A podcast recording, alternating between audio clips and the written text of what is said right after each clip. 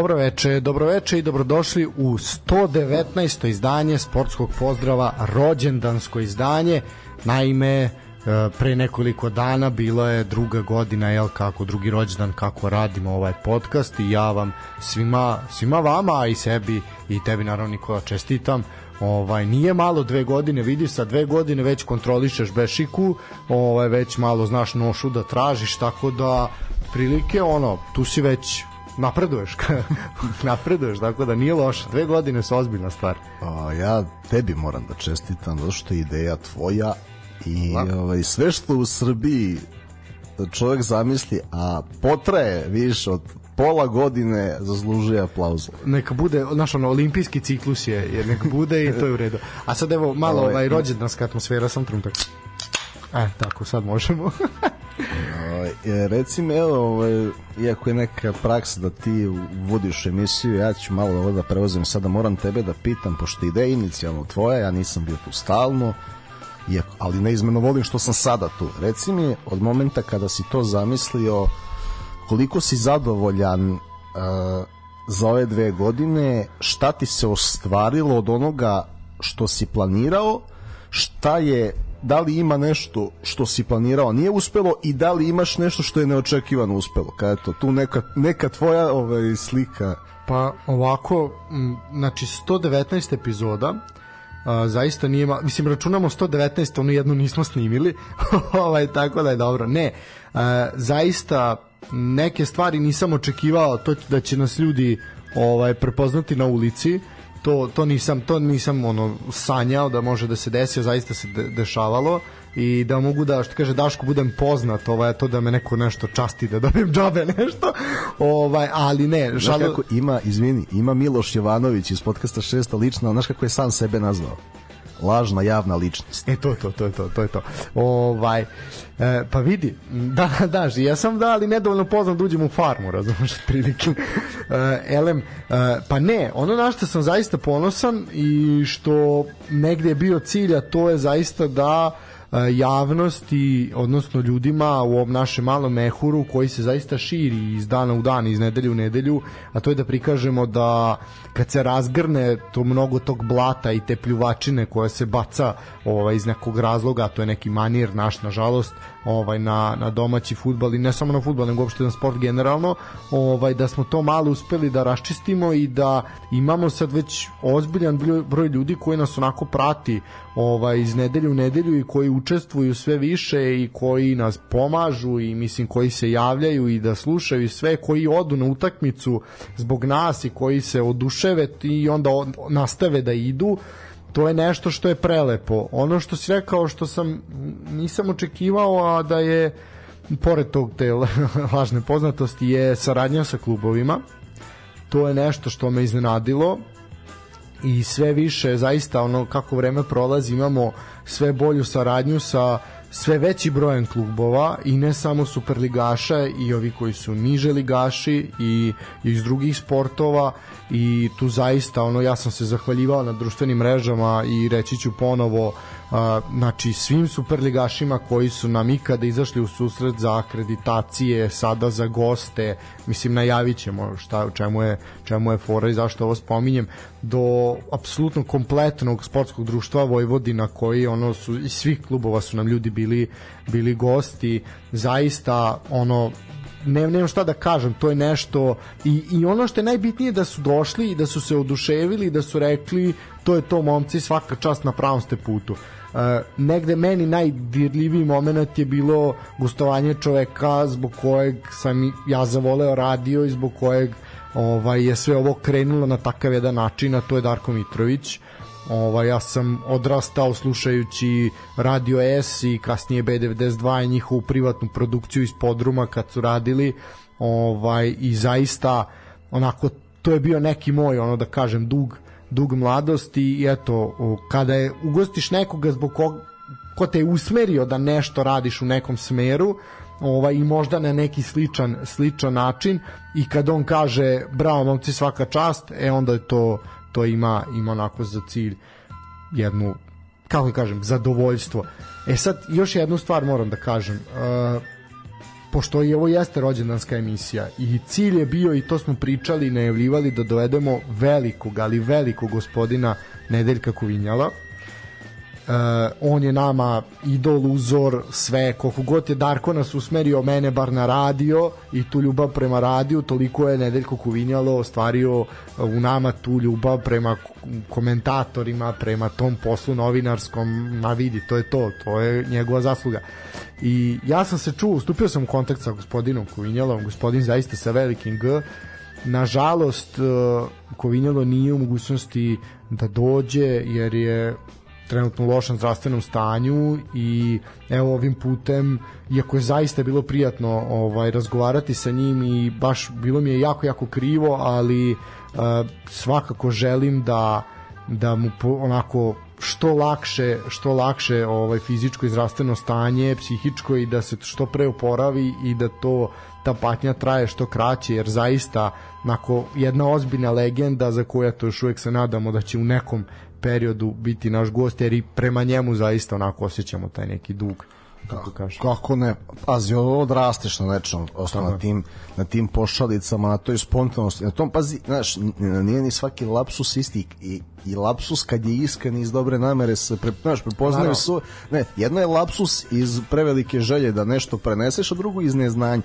I ovaj, ovo prvo je ipak uh, tip, tip je iz te želje, iz te emocije prema sportu, prema reprezentaciji, naciji, Absolutno. je mnogo više njela zastupljeno i ja se nadam čim on bude malo bolje, ako ne bude on mogao da dođe, otići ćemo mi da, da se približimo njemu, da učinimo sve što žali da on onako iz duše kako je umeo, eto, prozbori koju sa nama i o nekim stvarima da sud ekskluzivno baš u našoj emisiji s obzirom na to nisam video da se baš negde pojavljivao otkad nije u prenosu. Pa nije da i baš mu je tu bilo jako drago što ga se neko setio. Znaš, tu, tu se videlo eto da ga je neko, da ga se neko setio, pogotovo znaš neko ko je ono više puta ovaj mlađi od njega ovaj zaista je zaista je tu mu je, tu mu je bilo jako drago i onako vidim da mu je da je osetila se ta neka da kažem ta neka žal što ne može da da dođe, ali ja verujem da će onako kad to bude sve bolje i samo nek bude bolje, a lako ćemo sve sve ostalo. Tako da eto, to je to je nešto što je bilo planirano. Nažalost, nismo to nije se ostvarilo, ali eto, ostaje ostaje kao neka želja. A hoćemo odmah najaviti šta imamo sledeće nedelje, ćemo ostaviti to za kraj. Kako ćemo odmah biti? A naravno, kod deca, vrat, odmah sve otvaraj, sve otvaraj. Da, kinder, znaš, kinder jaja, moramo, da li, ću, da li ću prvo da pojedem kinder jaja da sklopim igračku? Ne, paralelno se sve radi, da. Znaš, ono kada dobiješ paketić, to znači roditelji o strahu i daš dobiti diabetes, jer ćeš pojesti sve ono istog dana. Uh, ništa, da najavimo veliko gostovanje sledeće nedelje, znači 27 a, februara dolazi nam sportski direktor TSC-a meni velika čast zaista znači ja ne znam prosto danas sam bio oduševljen kad sam bio kontaktiran. Meni, pazi, i red je bio, ali mislim da je dobro što nismo žurili sa ovakvim stvarima. Znaš, sada je vreme da e, kada već, što kažu ljudi, prepoznaju priču, sada je vreme, znaš, jer ne možeš ti da budeš niko i ništa da dovedeš nekog. Naravno. Tako da je ovo, znaš, ovo, o, ovo sporo kotrljanje koje ide onako postepeno, ali opet non stop uzlazno. Tiha voda breg roni. Tiha voda breg roni, tako jer ja nisam bio deo toga, ali znaš i sam da sam pratio i od samog početka nije to rapidno, ali je uzlazno. Mislim da je sada vreme za neke onako no, stvari i da imamo kredibilite da dovedemo nekog da pričamo o nekim stvarima, zato što, pazi, uh, ne sam ja i ljudi koji su započeli ovo s tobom, znači sad pričamo o svima koji su bili deo ovoga u ove dve godine, da se pokazalo da ima i znanja i predikcija i, i znači kvalitnog humora, sadržaja, e, i smelosti da se kaže neke stvari onako kakve jesu, da nema tabua, da se bude na strani pravde. Mislim da je to najbolja strana eto svega ovoga u dve godine. Znači da se, što se nije čutalo, što je znači baš onako jedna direktnost ovog podcasta je njegova najveća vrlina i tako mora da ostane znači koliko god išao, znaš, znaš, ljudi kad krenu uzlazno u ovim sferama, onda počnu da prave kompromise. E, mislim da je da ovo, to ne sme da se desi. A sve, da će sve ostalo da dođe. Tako da ja moram, bez obzira što sam deo ovoga u posljednje vreme nisam bio od starta, ti čestitam na na velikom trudu, jer znaš kako, imaš mnogo, ja znam mnogo dobrih ideja za podcaste, različite formate, sije, i onda naši ljudi krenu mesec, dva i stanu, kao nije to to. Znači, istrajao si i mora ovde da ti se skine kap. To... Seti se, radili smo u ilegali, radili smo iz mog stana, radili smo bolesni, radili smo svakakvi, to je to. I to, ali i pre toga dok ja nisam bio stalni član. Tako je, ne, apsolutno su svi koji su bili bili ovde od starta ovaj i Svetozar i Stefan i Tanja i Marko i Žika i svi koji su dolazili i gostovali ovde je zaista onako jedna neizmerna, neizmerna zahvalnost svima, naravno tehničkoj podršci o našoj dragoj Bilji koja je tamo po Nemačkama zarađuje velike novce, ali ipak brine ovde o nama malima, o Dašku i mlađi, o svima, apsolutno svakom klubu koji nas je ikad pogledao i izašao nam susret, svim dragim ljudima koji su nam ovde bili, šta da kažem, hvala vam i svi ste video, svi smo mi ovaj sportski pozdrav, jer to je nešto što je kao jedan globalni pokret, ali to će da izraste tek, razumeš. Ovaj, tako da da, uh, imamo sledeće nedelje gosta, to je znači gospodin uh, Sabolč Palađi, sportski direktor uh, TSC, eto meni zaista zaista velika čast ali to ćemo svakako više pričati jel, naredne nedelje. E, imamo još, sad aj sad kad smo raspucali se, sad idemo, uh, ljudi pravit ćemo majice, imaćemo, pošto ide toplo vreme, o, hvala Bogu 20. januar, napolju 20 stepeni, znači idealno, ono, znači da će u julu mesecu biti 65 otprilike, jel, ako je sad 20, znači perfektno, ono, baš obožavam to, jako se radujem tome, klima ovde nema, znači umreće pa, se, umreće ja, se. Ću, ja bih dodao zna, majice u kojima ćete, nadam se, gledati Partizan u četvrt finalu Lige konferencije. O, dobro, dobro. Ili svoj neki klub koji ovaj, već gotivite da se... Ono, no, ne, to da gledate da. Superligu, to se podrazumeva, nemojte, da, ne, ne smete više, naš. ne smete više da se izdate, znači jednom kad odete na utakmicu, idete svaki vikend. To je to, idete u toj majici. Tako da ćemo praviti majice, okačit ćemo to na mreže, ovaj, pa naravno kome se bude bude svidelo da ova eto da ima jedan ultimativni onako primerak. Vidi, biće takva, biće takva da može i na stadion, može i na svadbu. Znači tako tako planiram tako Kako da drugačije. to je to naš. Biće pa neće baš biti stil kao Mio Dragešić nekada, ali biće blizu recimo onako, tako da mislim pazi, da je to sasvim. Ali, pazi, moramo tako jer znaš ono kad bude lepo vreme, sad, sezona sad biće da krenu i onda znaš, ovaj sa Kolubare u restoran, pazi. Pa to je to. Znači, to je to. pazi, posebno to, to je taj pojas, znaš kako iz Lazarevca ti nemaš puno, znači od jednog od predsednika Dragiše u Kolubari do pečenjare kod Dragiše u Čačku. To je kolima sat vremena i možete sve da uradite u istoj majici sportskog pozdrava. Tako Ček. je, samo kragnicu hoćete podići ili spustiti, to je, to je sve. Pa podignite kao Mašsavi Miloševiću, koji je bio veseo na dočeku Novaka Đokovića povodom Australija Opena. Znači, meni, stvarno, svaki put kad Savo zapeva, to je ono, omiljeni igrač, mislim, pazi, Nekad je neko talentovan, onda je to neko je talentovan, da. praktik nešto ne obuzelo. Posle je Srđan Đoković uzao mikrofon. Onda je sve otišlo u đavola, ali dobro, šta se, neće ovo šta to tome. Ovaj, pre nego što se bacimo na ovo, ono što radimo svako vikenda, a to je Mozart Bet Super Liga, ja bih izdvojio ličnost nedelje za mene, ne znam da li ćeš se složiti sa mnom, a to je trener Unikahe Ibon Navarro Uh, Unikaha je osvojila španski kup kralja preko Real Madrida i Barcelone i onda je odigrala fantastično finale protiv Lenovo Rifea. Uh, ovo, zašto ovo apostrofiram? Zato što smo svedoci u posljednje vreme forsiranja zatvorenog kluga, kruga klubova u Evropi i Eurolige klubova sa zagarantovanom licencom i devalviranjem domaćih prvenstava. Znači, Trento bude prvak Italije, Armani igra Euroligu To nije tako u drugim kolektivnim sportovima, nebitno muškim, ženskim i to ne, ne sme tako da ostane. E, imali smo dva e, kluba iz FIBA Lige šampiona u finalu Kupa Kralja koji su odigrali fantastičnu utakmicu.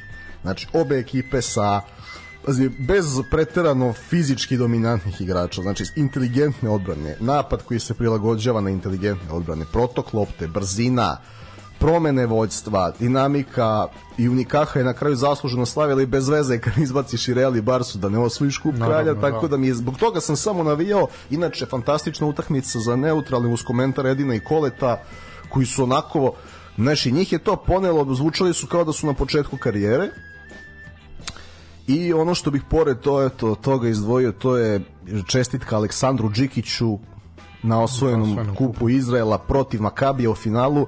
Ne znam, uh, uglavnom uh, bio je 17-17 rezultat prve četvrtine, u naredne tri četvrtine kad je Hapoel poveo Makabi više nije okrenuo. Znači, apsolutna kontrola utakmice i zasluženo slavlje Džileta. Uh, još je, znači, koji takođe vodi klubu FIBA Ligi šampiona. Pa onda imamo Brešu koja je izbacila Armani i Virtus pobedila u finalu.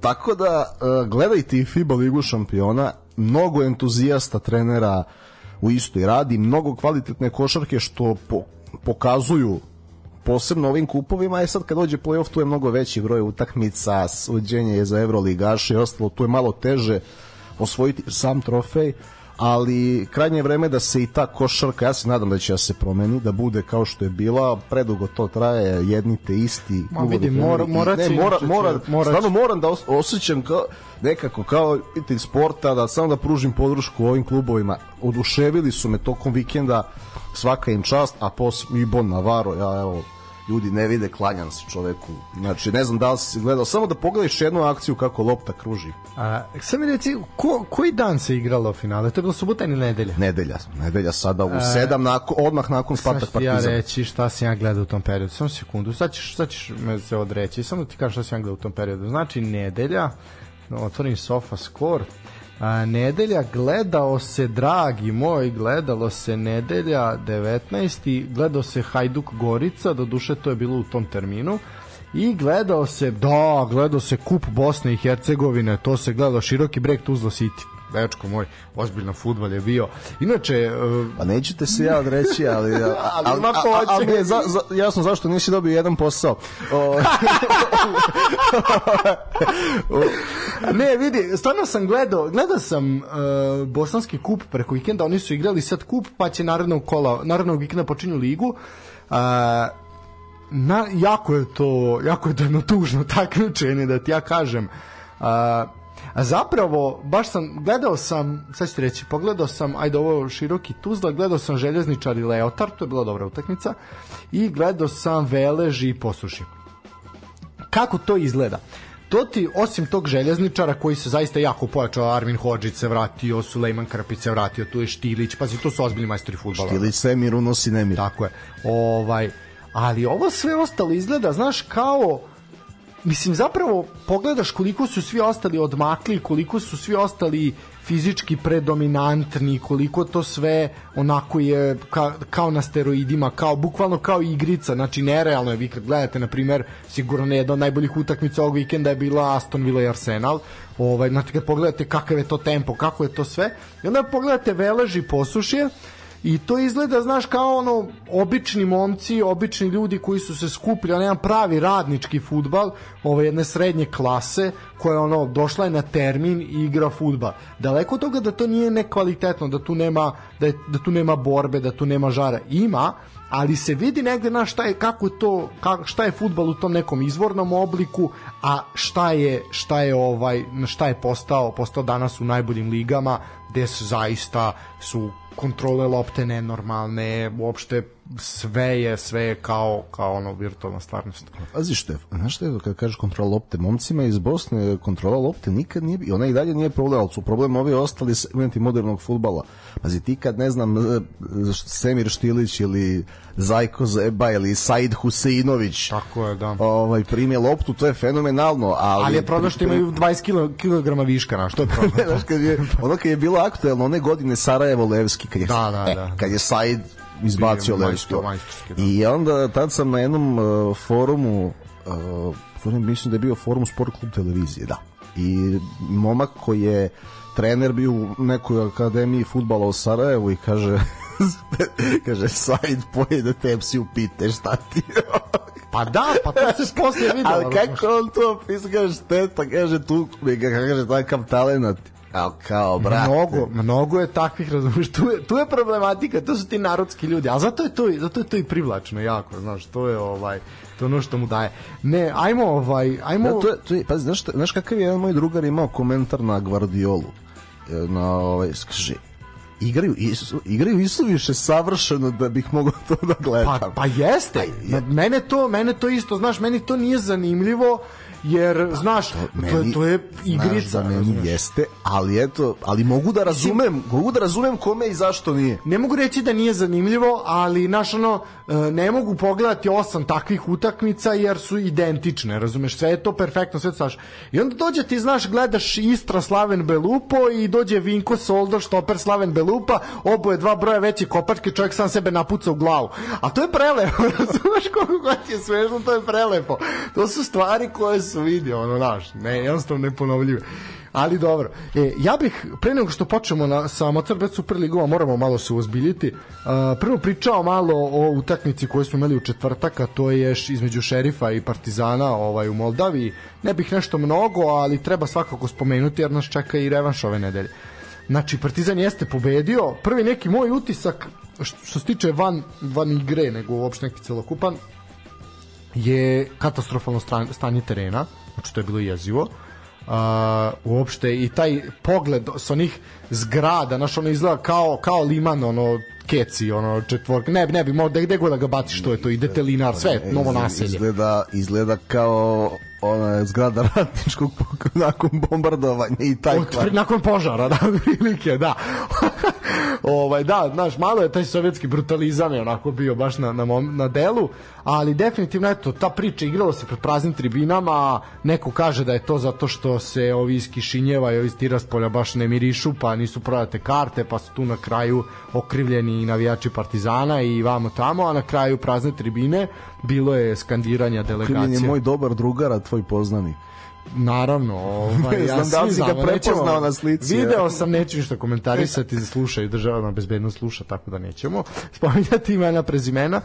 E, sve u svemu, e, prošlo je, bilo je, prošlo je, jako loš teren, e, ono negde šta je moje, šta su moji neki utisci, svakako Ricardo 84. pogodak, to je ovaj najbolji inostrani strelac, nema šta čovjek je ovaj ponovo ponovo proradio to nakon 30. oktobra je postigao pogodak.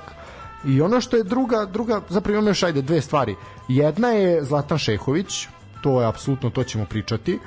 A, drugo je a, posed koji je koliko je zapravo nakon crvenog kartona ovaj šerif imao posed, bilo je mislim u jednom momentu 66-34 i taj crveni taj crveni karton Vujačića Uh, ok, jeste Vujačić uleteo mesarski, ja sam mislio da dečko ide na ono RFZO listu čekanja za protezu kolena, otprilike kako je to izgledalo.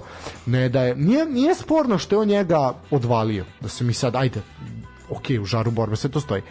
Ali zašto u 47. minutu na sredini terena? Čemu? Čemu takav start? I aj sve to, ajde i to da nekako u nekom razumeš, na što bi rekao, trener tamiša igrači su, pa ne znam citiram do kraja, ovaj, ajde desi se, a zašto se onda svađaš sa sudijom i ubeđuješ ga da to nisi uradio, a čovek te gleda, Bog te stoji pored tebe dva metra, pa jedino ako je i on na istoj toj listi čekanja za kataraktu, onda te nije video.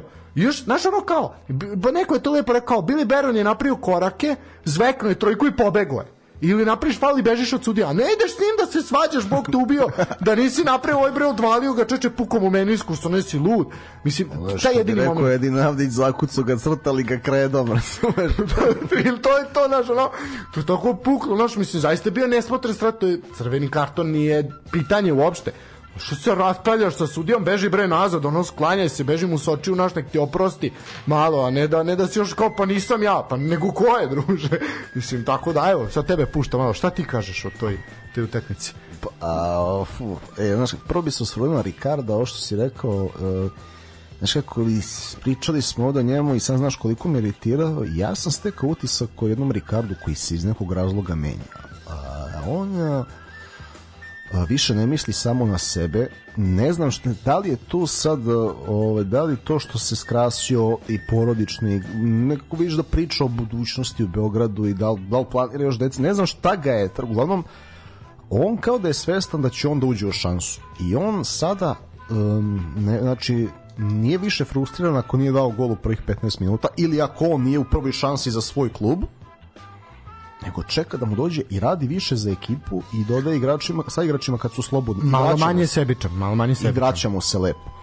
Pa, i ovaj, kao da je to shvatio i sada mi je, znači, ja sam bio za to kad već ima statistiku da se on proda, sada kad ima i pasoš, kad pravi takvu razliku i koliko je konstantan, ovaj, naravno da će da potrebno imati još jednog različitog napadača što imamo sada i u Pavloviću i u Baždaru kao i nekad može da odigra devet ali nisam ono sad više po svaku cenu daj da, da ode Ricardo pa da uzemo drugi profil ono timskog špica i to. Ja moram stvarno da ga hvalim ovaj, eto, iako sam ga kritikovao to mi je prvi utisak.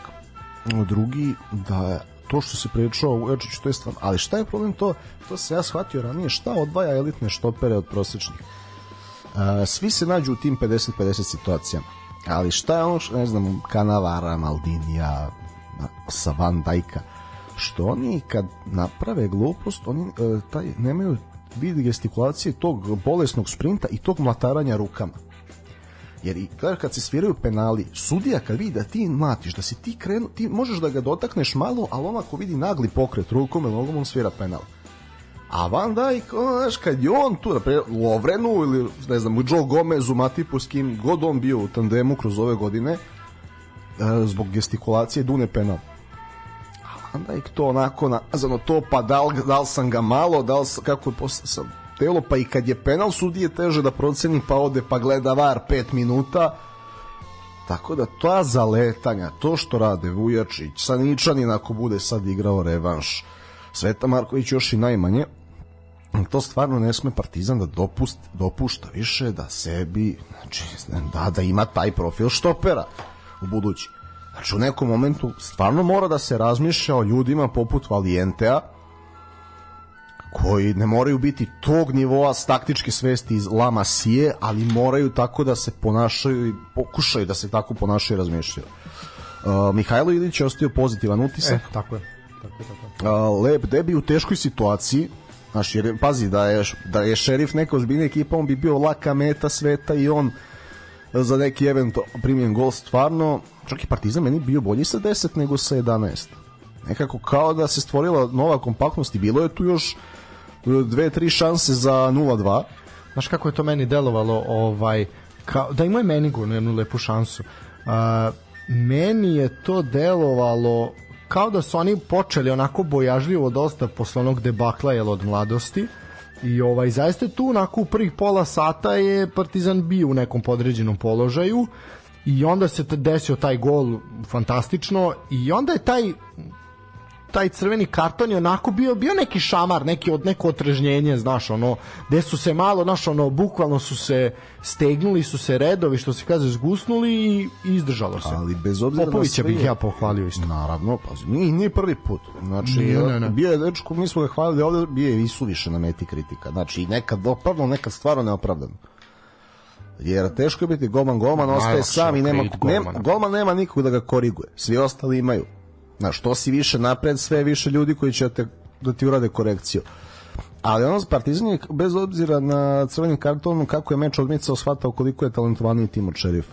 I stvarno, ja ne smijem zbog toka sezone i pojedinih utakmica ništa pričam za revanš, da, da ulazim sad u neke dublje analize, ali ja stvarno očekujem da se to privede kraju i ovaj, zato, zašto je ovo važno da se privede kraju? Zato što kad dođe žreb ti ne možeš da igraš ponovo sa Nicom i od preostalih sedam timova ja ću reći da je pet prolazno.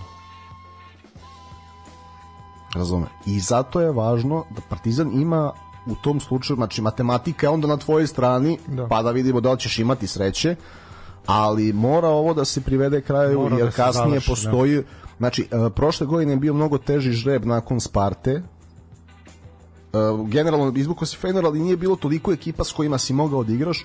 Pazi, sad ti, znači ako prođeš, imaš Slovan, imaš Djurgarden, imaš Sivaspor koji je 12. u Turskoj, iako ima individualni kvalitet, ali je pa, 12. u Turskoj.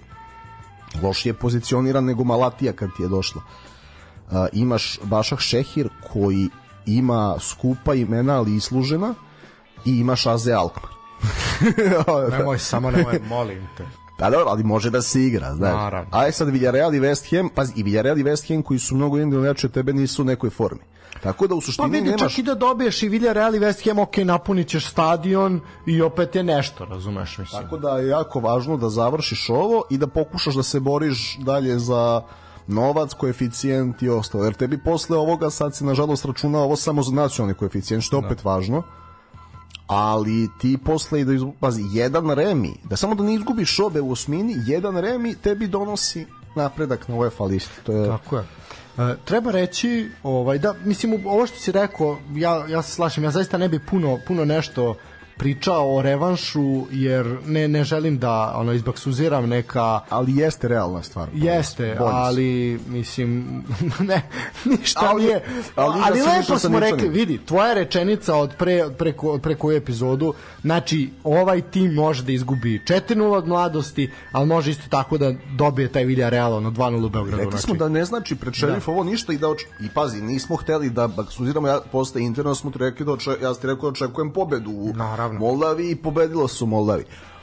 E sad, Isto tako, ja sad ono što očekujem u Beogradu to je vatromet na početku utakmice, to će biti sigurno. o, a, vo, a voli Miki Vazura to, znaš, onda da grmi, kako je bio meso i peva u autobusu, ne znam da li si da, video video, snimak. video sam, video sam. Ja, njemu je to, daj da se lomi, znaš. Ovaj, treba reći jednu jako bitnu stvar.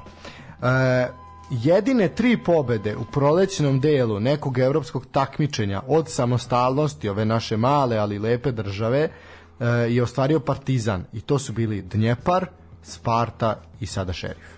Tako da, eto, to nekima govori mnogo, a eto, čisto jedan podatak da I, imate. i nam, Njepar i, I sva tri po 1 su, Sva tri po 1 da, i, i sva tri istočna Evropa. Da, da, da, da. Pa, Sparta i to računamo ko neku, da. Pa da, mislim, mislim taj stil futbala, Da, odnosno, da. to je istočnoevropski stil futbala, a pomenuli smo Kvinjala prenosio to u Dnjepru, to, mislim da smo se, mislim ti i ja smo se tad zaljubili u neke stvari, e, Pa da, možda čak pa te sezone definitivno. Mislim i pre, ali te sezone si već bio mnogo svesniji svega, ali te ta sezona te utakmice protiv Lacija, protiv Villarreala, protiv ta sezona Partizana u Evropi i plus uh, krun, završila se sezona finalom Lige šampiona u Istanbulu od 3-0 do 3-3 Da. i tu, tu ono shvatiš šta je, šta je futbal. Tako. Tako da, Da, jasno je, jasno je sve. Evo ovako, uh, ja ću kratko, kratko pročitati samo uh, rezultate ovaj u koje su se odigrali u ovom 22. kolu Mozart Super lige. Znači, uh, druženje sa superligašima je počelo u petak. Što se tiče ovog naših tiketa, moramo, evo, i, to je neka najava od narednog perioda, ću mi to objavljivati šta mi igramo. Ovaj, na primjer, ovaj put smo bili, bili zaista jako blizu, eto, nekoliko santimetara ovaj nas je delilo od dobitka. Nikad nismo bili ovako blizu do sada ali eto ne, ne znači da uskoro ponovo nećemo biti znači 17. je bio bio taj da kažemo prvi meč Mladost Vojvodina 1-1 uh, Kolubara Voždovac 1-0 Radnički Niš protiv Radnika eto taj derbi braće Tončev 0-0 Crvena zvezda Čukarički 3-0 Napredak Novi Pazar 0-1 a, Radnički Kragujevac Javor 0-0 Mladost Gat TSC Bačka Topola 1-2 i Spartek Subotica Partizan 1 naprema 2 što se tiče uh, liste najboljih strelaca to ćemo još ovaj spomenuti tu je Rikard Gomeš prvi sa 13 pogodaka, a prati ga Aleksandar Kataji sa 12, Milan Bojić na treće mesto, ali svakako će on nastaviti da pada s obzirom da je napustio napustio ligu. Uh, pročitat ćemo kad smo došli od toga, pročitat ćemo i tabelu, pa ćemo onda ići meč po meč. Znači ovako, Crvena zvezda je prva sa 60 uh, bodova, drugi je Partizan sa 49, treći je TSC iz Bačke Topole sa 45, četvrti je Čukarički sa 41, Vojvodina je na petom mestu sa 38, koliko ima i šestoplasirani Novi Pazar, sedmi je Voždovac sa 34 i osmi je Radnički iz Kragujevca sa 26, već se tu pravi ono što smo pričali, uh, borba za Evropu, odnosno taj gornji dom tabele do tog sedmog mesta, već Radnički i onda Kolubara koji su na 8. i 9. mestu imaju identičan broj bodova 26 isti broj pobeda nerešenih i poraza ovaj tu tu će se biti da kažemo neki mada ružno je reći i možda će se to oni uvrediti ali jeste to osmo mesto kao što smo rekli je čist ostanak ostanak u ligi a male su šanse da će se neka ozbiljnija borba za Evropu desiti. Kolubara je rekao sam 9 sa istim brojem bodova kao i Radnički iz Kragujevca 10 Javor sa 23 još uvek Javor u igri za tu osmu poziciju kojom bi oni bili zaista prezadovoljni. 11. radnički Niš sa 22, 12. napredak sa 19, 13. mladost iz Lučana sa takođe 19 bodova, 14. je Spartak sa 18, a 15. mladost sa 16 bodova, mislim na mladost iz Novog Sada, 16. je radnik iz Surdulice sa 12 bodova. Eto, to je uh, bila tabela uh, Superlige Srbije, a mi ćemo otići na kratku uh, muzičku numeru, odnosno malo da odmorimo uh, naše, naše glasiće. U stvari nećemo ja Nikola se vraća. A, savršeno sam ovo isolirao. Nećemo. Idemo odmah na meč u Lučanima između Mladosti i Vojvodine. Rekao sam, ovaj meč nas je koštao dobitka. Eto, ja sam pogodio, pogodio sve osim te Vojvodine. Ti si imao još dva promašaja, ali dobro, bili smo, bili smo zaista blizu. Uh, u sebe, ali dobro. Da, pa je dobro, još neki su izdali, ali dobro. E, ovako, vest što se tiče Lučana, to je da je nekadašnji napadač TSC Vladimir Silađi e, došao u mladost, eto, to je svakako zamena za Bojevića, ono što smo pričali prošli mm, put. Mm, to je dobro i to mi je drago jer sam se plašio da su bez ambicije da ostanu. Da će, da, znaš, ono da ti ode tako, znači reagovali su odmah za poštovanje u maniru ozbiljnih klubova reakcija, moram da priznam i pohvalim i neka se bore dalje i odmah, pazi, bio je spreman da uskoči odmah u drugom polovremenu iako je tek došao i to je pozitivno uticalo na ekipu da ostvari pozitivan rezultat. E sad, e, pričali smo dosta o Vojvodini, ja sad neću osvrtati neke ali to šta mi je utisak? Utisak je to da kada po, vode da, da olako prepuštaju inicijativu, a ne moraju. Tako je. Zato što su iz kontre lako dolazili do šansi i polušanse, nisu imali sreće za par centimetara da bude 0-2, ali jako jako blizu jako ali, je gusta odluka ka, da. praktično nakon 0-1 su pozvali mladost u kazneni prostor i to mi je nakon tog, to im je mana. nakon tog gola ali vi to, to da to rade apsolutno cele sezone e, nakon tog gola mladost je zaista imala nekoliko furioznih napada e, pre nego što ajde jeste mladost je preuzela zaista inicijativu ja bih spomenuo da Kabića nije bilo u sastavu Znači to, to treba reći. I javio se biće, znači bio je problem sa zglobom, trebalo bi da bude u sledećoj utakmici. Eto to da Ono što treba istaknuti, a to je gol Vojvodine, Vitas i Traore. Kakva kombinacija i Mamadou Traore, svaka čast za udarac, nema šta. Slabio mnogom. Svaka čast. E, zaista, što se toga tiče, Vitas asistirao isto, ma odlična, odlična reakcija.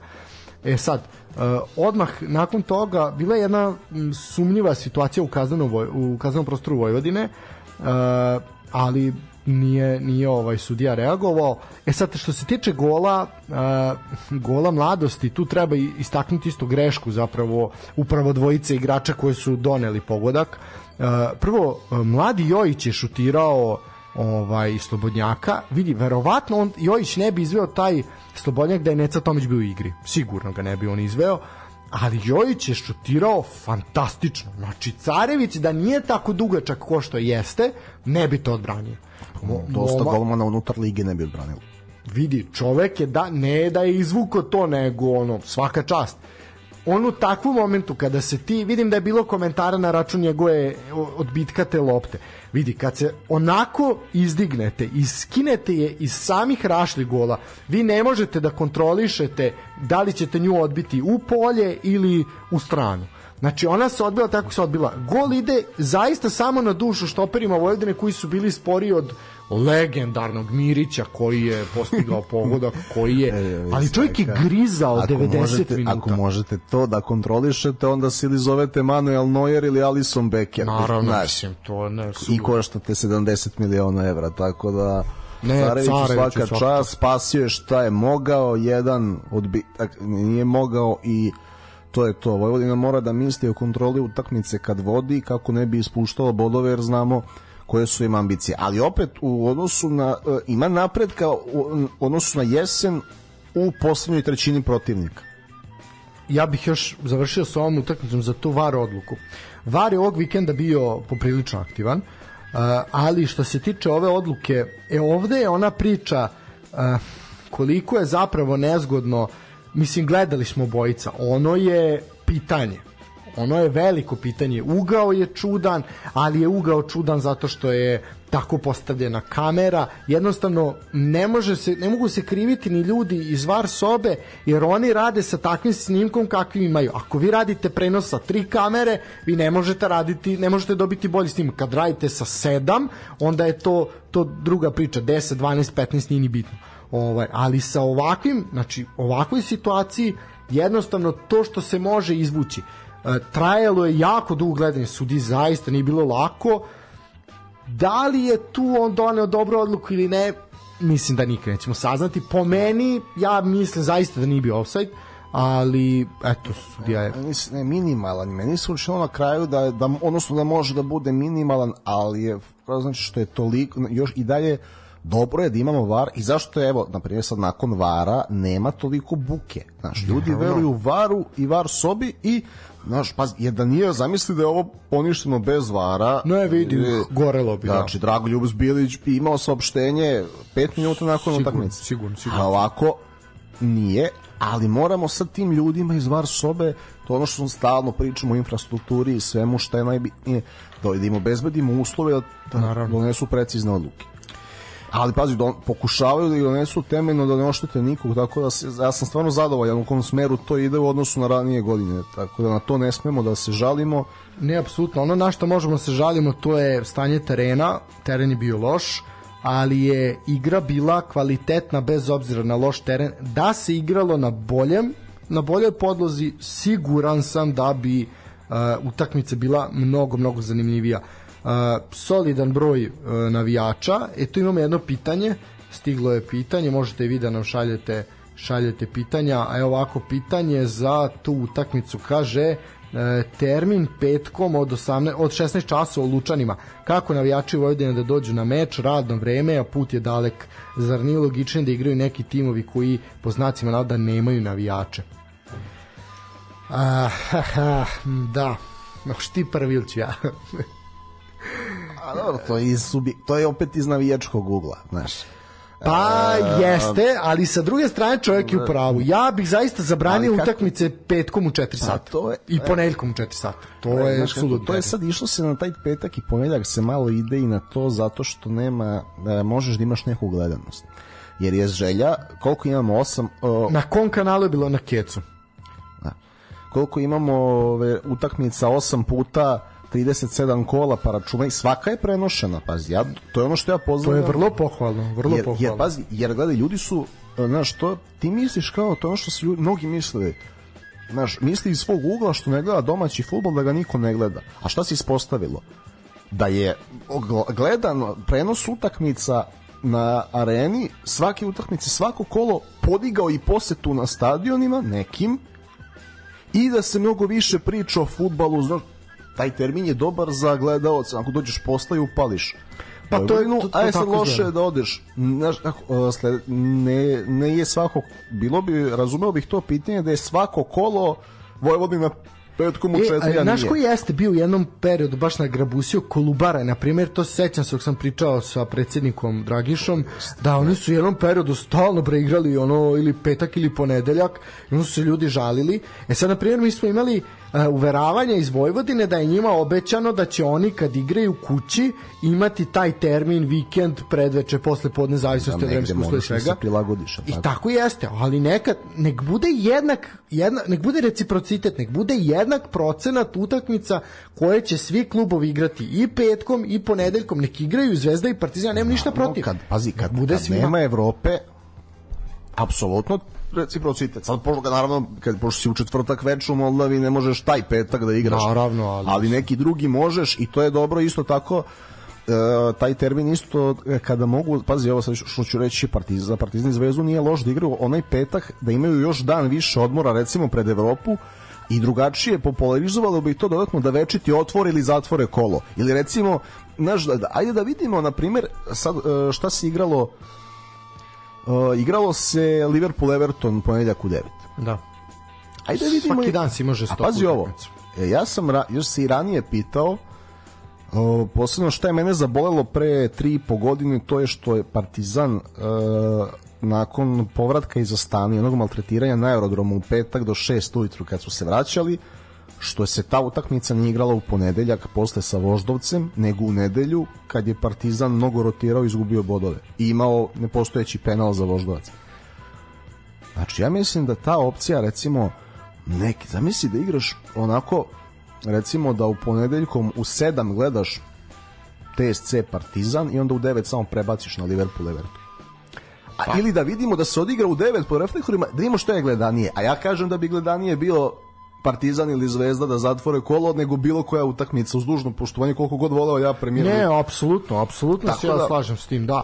Jer o, ovaj, ja, znaš kako, ozbiljne lige štite klubove i njih mi to moramo početi da radimo, znaš, to... Posebno kad još malo podignemo kvalitet igre, a nije da... Znaš, ako pogledaš kvalitet futbala, sad se ti seti klubova koji su bili, eto, onaj period kad je pokojni Bata Kan Kan bio u Vojvodini, pa su oni bili onaj cementirani treći, i onaj četvrti koji izlazi u Evropu, koji je to bio futbol. I sad da. poredi kako igra ovaj TSC Čukarički, Vojvodina koju, pazi, uprko s kritikama, ova Vojvodina sad bi pojela neke Vojvodine koje su bile Absolutno, suvereno sa, treće. I sa nekim mnogim pa, imenima većim. Vidi, da. pa ili onaj, ne znam, onu zvezdu gde kapiten Nikola Mikić, ili Partizan gde je najbolji igrač Tomić sa 15 kila viška. Da. Ja mislim da bi te, evo, TSC, Čuka i Vojvodina sigurno, sigurno. dobili to, te utakmice dva razlike. Ili isto tako tu neku Jagodinu ili Ofka da, Beograd da, koji su sigurno. bili, da, mislim, da Javor i tako dalje. I čim bude još već, znači, pa, razumeš, Francuze ne zanima ko igra, ako je njima ono njihov derbi kola PSG Marsi njih ne zanima kad je Liverpool, da li se to poklapa, da li ne, i oni će to da gledaju. Holanđani, kad je Ajax PSV ne postoji ništa drugo. Tako treba da bude, to će biti i kad bude bio derbi. Ono što treba, ja se slažem sa tobom, treba zaključati termine. Znači, kao što rade, kao što rade Hrvati, na primer, do duše im mnogo manje utakmica, sa tim je mnogo lakše, ali znači, zna se koji su termini odigravanja. I u istim terminima se stalno igraju utakmice i to je to. To, to se tako radi, tako čuvate nešto, tako čuvate ovaj, evo stižu poruke, čitaćemo, ovaj, Evo, evo, da, evo, to je to. Ono što sam upravo rekao. Znači, mnogo je lakše kad imate 10 kluba u ligi nego kad imate 16. Jer imate 8 prenosa, 3 prenosa više je velika, velika razlika. U TV programu sam znaš koliko jedan minut znači, a ne, a ne to. Ovaj, što se tiče, što se tiče, evo, stiže poruka, da li da, da imate moć, da li bi skratili ligu sa na 10 12 klubova ili smatrate da je 16 ok? Istog sekunda bi skratili preseko bi na 12 bez. Znači, evo ja ću da dodam još rečenicu dve na to apsolutno bismo skratili na 10-12 klubova i onda jednog dana kad budemo mi, Bože zdravlje, oz, mnogo ozbiljnija država, ekonomski stabilnija sa kompletnom infrastrukturom u svakom gradu, pa onda kad vidiš da je kvalitet tu, razmisliš ponovo o proširenju lige kad imaš na, da nekih 11, 12, 13 gradova da iznesu 16 klubova. Jer mi smo uvek i pristalice toga da bude mi nismo nikad bili za tramvaj ligu da je no, no, decentralizovano apsolutno da. Znači da budu, znači da budu ozbiljni centri svaki grad da ima fudbalski i ne samo fudbalski klub. E kad to bude da se ponovo razmišlja o proširenju, a mi smo do tada liga za 10 klubova, 12 plafon. Koliko e sad, god mi imali dobre odnose, vole koliko su ma dragi svi činioci Super liga. Apsolutno. Ja, ja sam uhvatio sebe kako radim ovo ponovo, kako sam se vratio malo više domaćeg fudbala, da nikom ne želim da ispadne, ali neko mora. A ne, pa nažalost, ali koliko god zaista svaki klub mi bio drag, zaista jeste ovaj mi to smo imali pre, pre nekog vreme ono, na, na, neko je poslao nabrite pet kluba koji mrzite. Ne, ni jedan klub u Srbiji samo Zrinski Mostar mrzimo sve ostalo. Jesi, jesi ti to došao na Šešeljevu tezu veliku Srbije kad, kad, si, kad je Mostar tu? Oh. ne ne samo Zrinski ovaj, ja, ja ne podnosim sve ostalo sve ostalo je u redu. Uh, i Hrvatski dragovoljac. Ele uh, vrati, vratimo se skrećemo da puno. Uh, poenta je, poenta je, sam neku, neku je poslao poruku, da li se emitovao pad sinoć, a ne, ovo je, to je to. Nije gotovo je ljudi prošlog vikenda bilo ono, ko je pogled, ko nije pogledao ništa. Gotovo je pad i po, ne, počeli su ubice. Ubice mogo ca šesta sezona. Koje su, ali ne, ali jes, to sam rekao bio u prošloj emisiji, predprošloj, kako su ih makedonci uradili to i kačili emisije na YouTube i ono kao reklama ubicite na moj tatko e, e, imaš I počinje za sledeći vikend, pa moramo, moramo komentarišemo sledeći epizod, a ne možemo zbog gosta, ali ono tamo ovaj, nećemo ostati dužni južni znači, vetar. Da, znači da ćeš... Da, imaćemo četiri epizode južnog vetra, onda da vam da batalimo futbal. To je to, da, samo, samo Biković koji traži zlato u čipsiju. Ovaj... jako strašno. Elema kaže, pitanje isto. E, šta je potrebno da Vojvodina bude treća? Verujem da svi neutralni ljubitelji futbola žele baš njih u grupnoj fazi nekog takmičenja, a sada im TSC ozbiljno beži. Potrebno je da moje mišljenja, ti čeći svoja, mislim da se tu slažemo, potrebno je da Vojvodina uh, ne čeka nego da samelje protivnika kad ga načne. Znači ne možete stalno prepuštati posed, pogotovo ekipama koji su s dužno poštovanje po kvalitetu slabije to je to, to, to će vas koštati. Ja više, e, pravo ti kažem, ja nisam više siguran da li su oni ljubitelji neutralnih nakon nekih stvari koje je TC prikazao, ili čukarički. Znaš, to je ozbiljna on, diskusija. Oni su bili, da. znaš kako, to je bilo, uh, oni su bili ljubitelji neutralnih u onim momentima kada odu u Beograd pa pobede Zvezdu 3-0, pobede Partizan 1-0 u istoj sezoni, pa dođu jel, na tri boda od prvog mesta, pa su tu bili pa što ne bi Vojvodina bila prvak i na kraju završi treći. U tom periodu da, ali od ove pojave Čukaričkog i TSC-a ja nisam siguran da, da je Vojvodina to, zato što kako mnogo više prezira negde u južnoj Srbiji ima prema Novom Sadu nego prema Beogradu, pa im je taj Čukarički simpatični. To je onako tema za jednu diskusiju, a šta je potrebno Vojvodini Pa mislim da, da vrati taj onako mentalitet da, da shvate, znaš kako, misli, sebe su ubili u pojam, ponašaju se kao mali klub, a nisu. Na, da, da, Moraju svaki malo dan to da- Zbilić vraća, malo to Zbilić vraća. Pa on pokušava da vrati, pokušava. ali mnogo više marketingom nego su, znači moraš da pogledaš ono tamo da razni murali stoje oko stadiona koji mi se ne sviđaju, moraš da pogledaš e, sliku Jadina Boškova ili Todora Veselinovića, shvatiš u kom klubu igraš i da ti moraš da budeš dominantan protiv mladosti izlučano lužno poštovanje, no, mladosti da završiš posao, prelomiš to, e, i da budeš treći. Znači, moraš da se, i Vojvodina, pazi, Vojvodina ima tradiciju i obavezu, kao i Partizan, znači, ko je sve to trenirao taj klub, igrao za taj klub, osim rezultata, obavezu igre.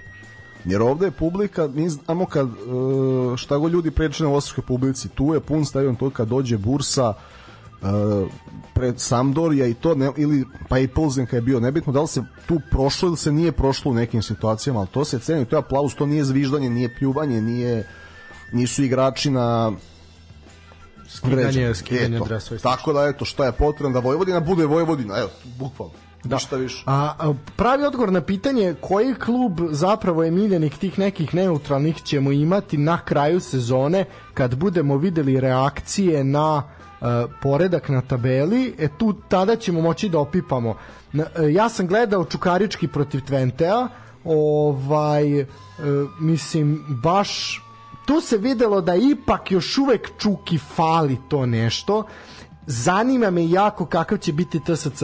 Jako želim da razbijemo tu mantru koja negde mi se čini da prati TSC, neću sada da pričam o tome, to ćemo pričati kad dođe, dođe čovjek i TSC. Želim, jer oni su negde primer, a tek ćemo doći da priču o Ratkovu, o svemu, to ćemo doći kad budemo pričali o njima, da mislim da oni mogu da budu trenutno taj neki treći klub u Srbiji. E sad, naravno, svo dužno poštovanje i Vojvodini, i Voždovcu, i svima ostalima, ali ljudi, znaš, morate se boriti, ne možemo svi biti treći, mora neko biti četvrti, peti, sedmi, a neko i šestnaesti. Tako da... I, a eto, zašto je TSC treći, a Vojvodina nije, to je, imam, je, i mislim da i Vojvodina i TSC treniraju dva velika gospodina, ali da gospodin iz TSC ima malo modernija shvate. Ima, rekao bih, iako mi se styling gospodina iz Vojvodine više sviđa, moram da pohvalim, da, Milan Rastavac, ozbiljan styling, I ozbiljan. ponašanje i, dostoja, i dostojanstvo. Zaista, i izjave i sve, sve, sve. E, gospodinu Milanu Rastavcu znači trofej da se done, trofej, ja bi to nazvao trofej Barda za styling na utakmicama. Znači da se kao Oskar popularnosti što je bio, da mu se dodeli na kraju sezone čovek gospodski. E, ajmo, ajmo dalje. E, što mi je palo na pamet, sad to nisam da li je bilo priča o tome, stavimo je super, da li je, pošto je, jel, kad je kad se suočio s bolešću Miha je tu Piki Blinder kapu nosio u Bolonji da li je vreme. to sad da li da. je Tomaž Mihi ili deo stylinga podigao kra, kragnicu jeste to verujem da jeste ali mislim da je to samo samo styling jer zapravo sve više trenera bira bira tako taj a styling a zima je dobra za takve stylinge jel ništa, to je... ništa možda ćemo imati prilike da pitamo i gospodina Naravno. Rastavca u narednom periodu kaže ovako HNL je za nas primera trenutno, da ne kažem Škoti, Austranci ili Švajcarci, ali tamo bez veštaka ili reflektora ne možeš prići profesionalnom rangu. Istina, oni imaju neke, neke opet drugačije priče, ali kad bi se mi tu poredili, bilo bi tu i za i protiv jedne i druge lige. No, a, ajmo, ajmo dalje. E, dalje, Kolubara Voždovac. E sad, šta je tu meni bilo zanimljivo? E, Đuranović i Vukušić u 11, to je, to je jako bilo zanimljivo za gledati.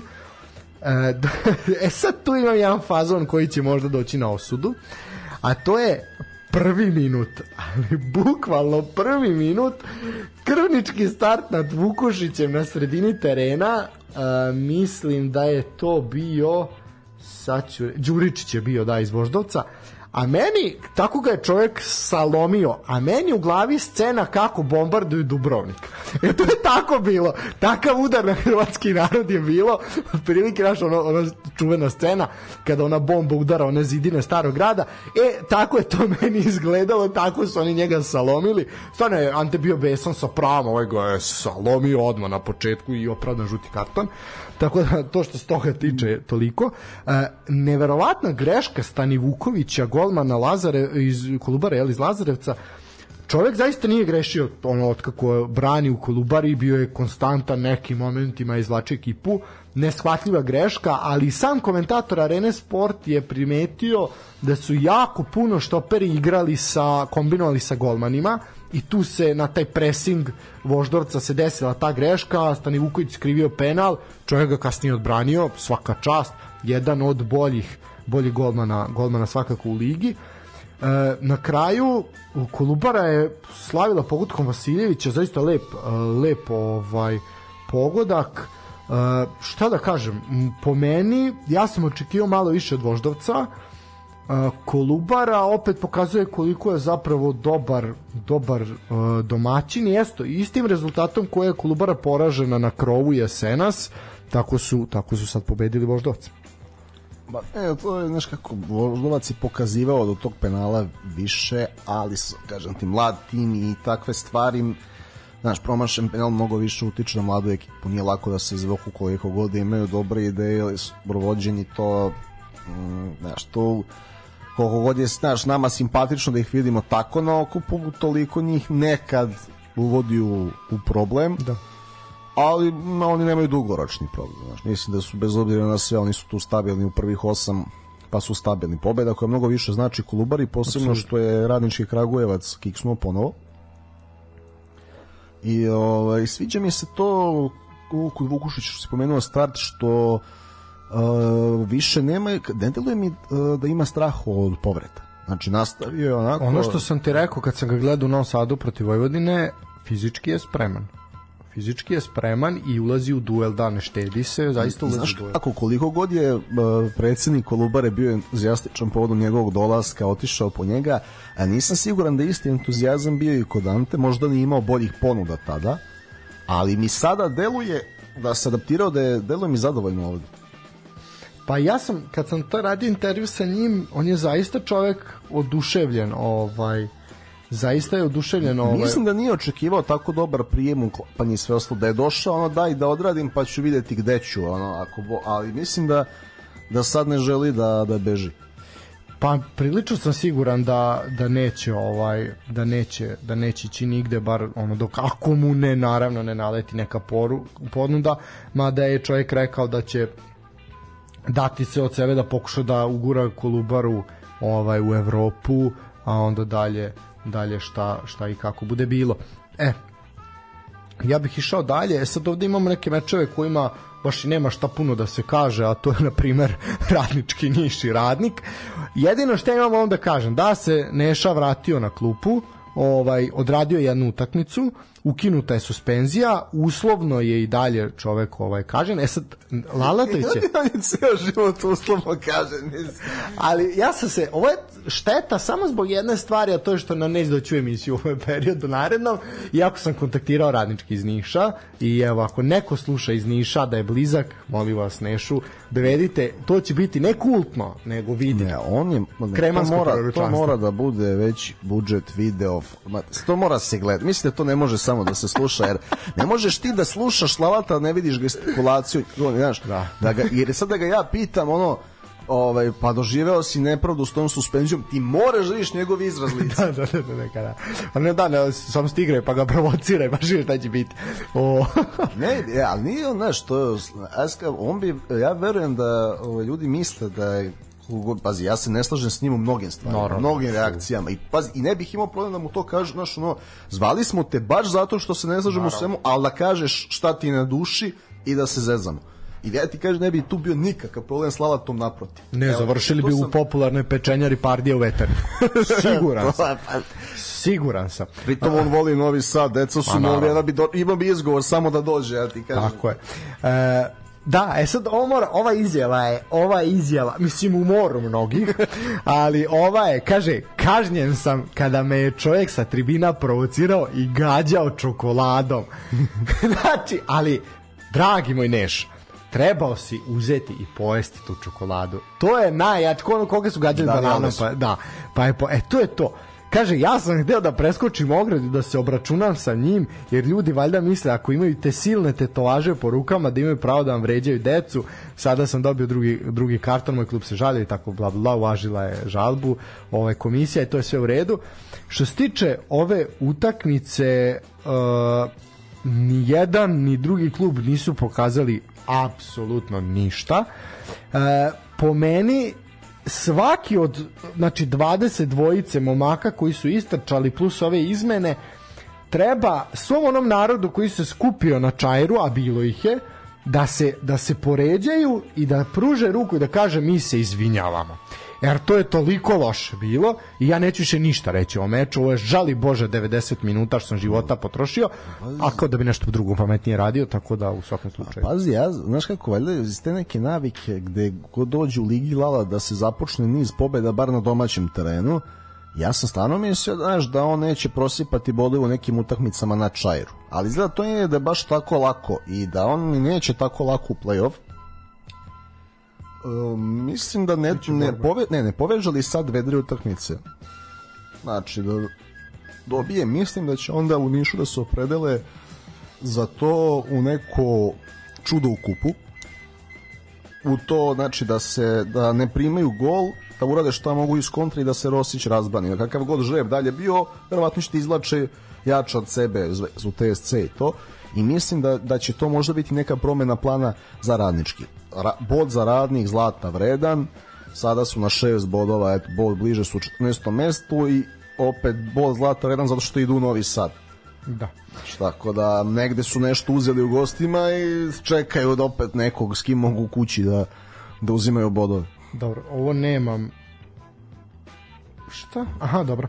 Uh, ovde nemam. E, da, imam pitanje. Aj, vi što smo preskočili, a vratit ćemo se kratko. Da li Miloš Pantović može da napravi karijeru na nekom nivou, pošto je sad trenutno glavni projekat Voždovca? Da, apsolutno može.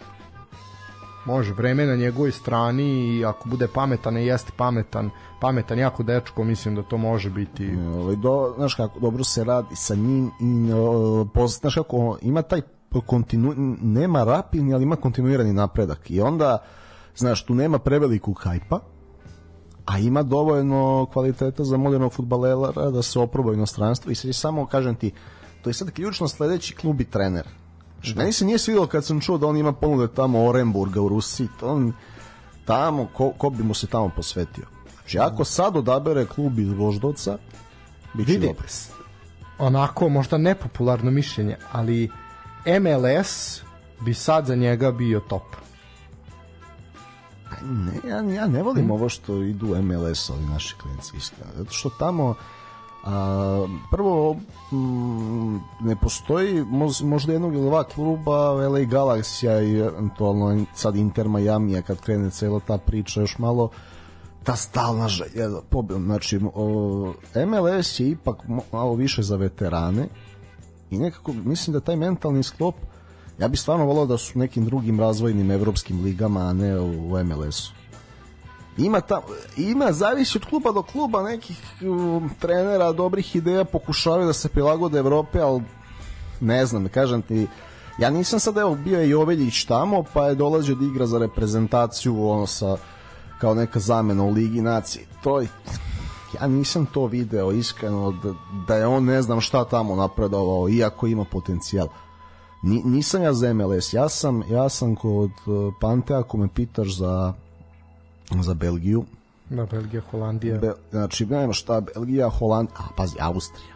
Znači, recimo iz Voždovca da odeš u neki Wolfsberg ili Lask, mislim da bi, ono, posebno što oni imaju u Austriji sad se češ, sve češće igra recimo 3-4-2-1 i onda tu Panta znači on ne voli da bude e, krilo da ima stalno širinu. Nego tu ta 3-4-2-1 pa jedan od ta dva da bude uže da se rotira na, na lažnoj deveci to, to bi mu recimo super bilo. Evo znači tako nešto.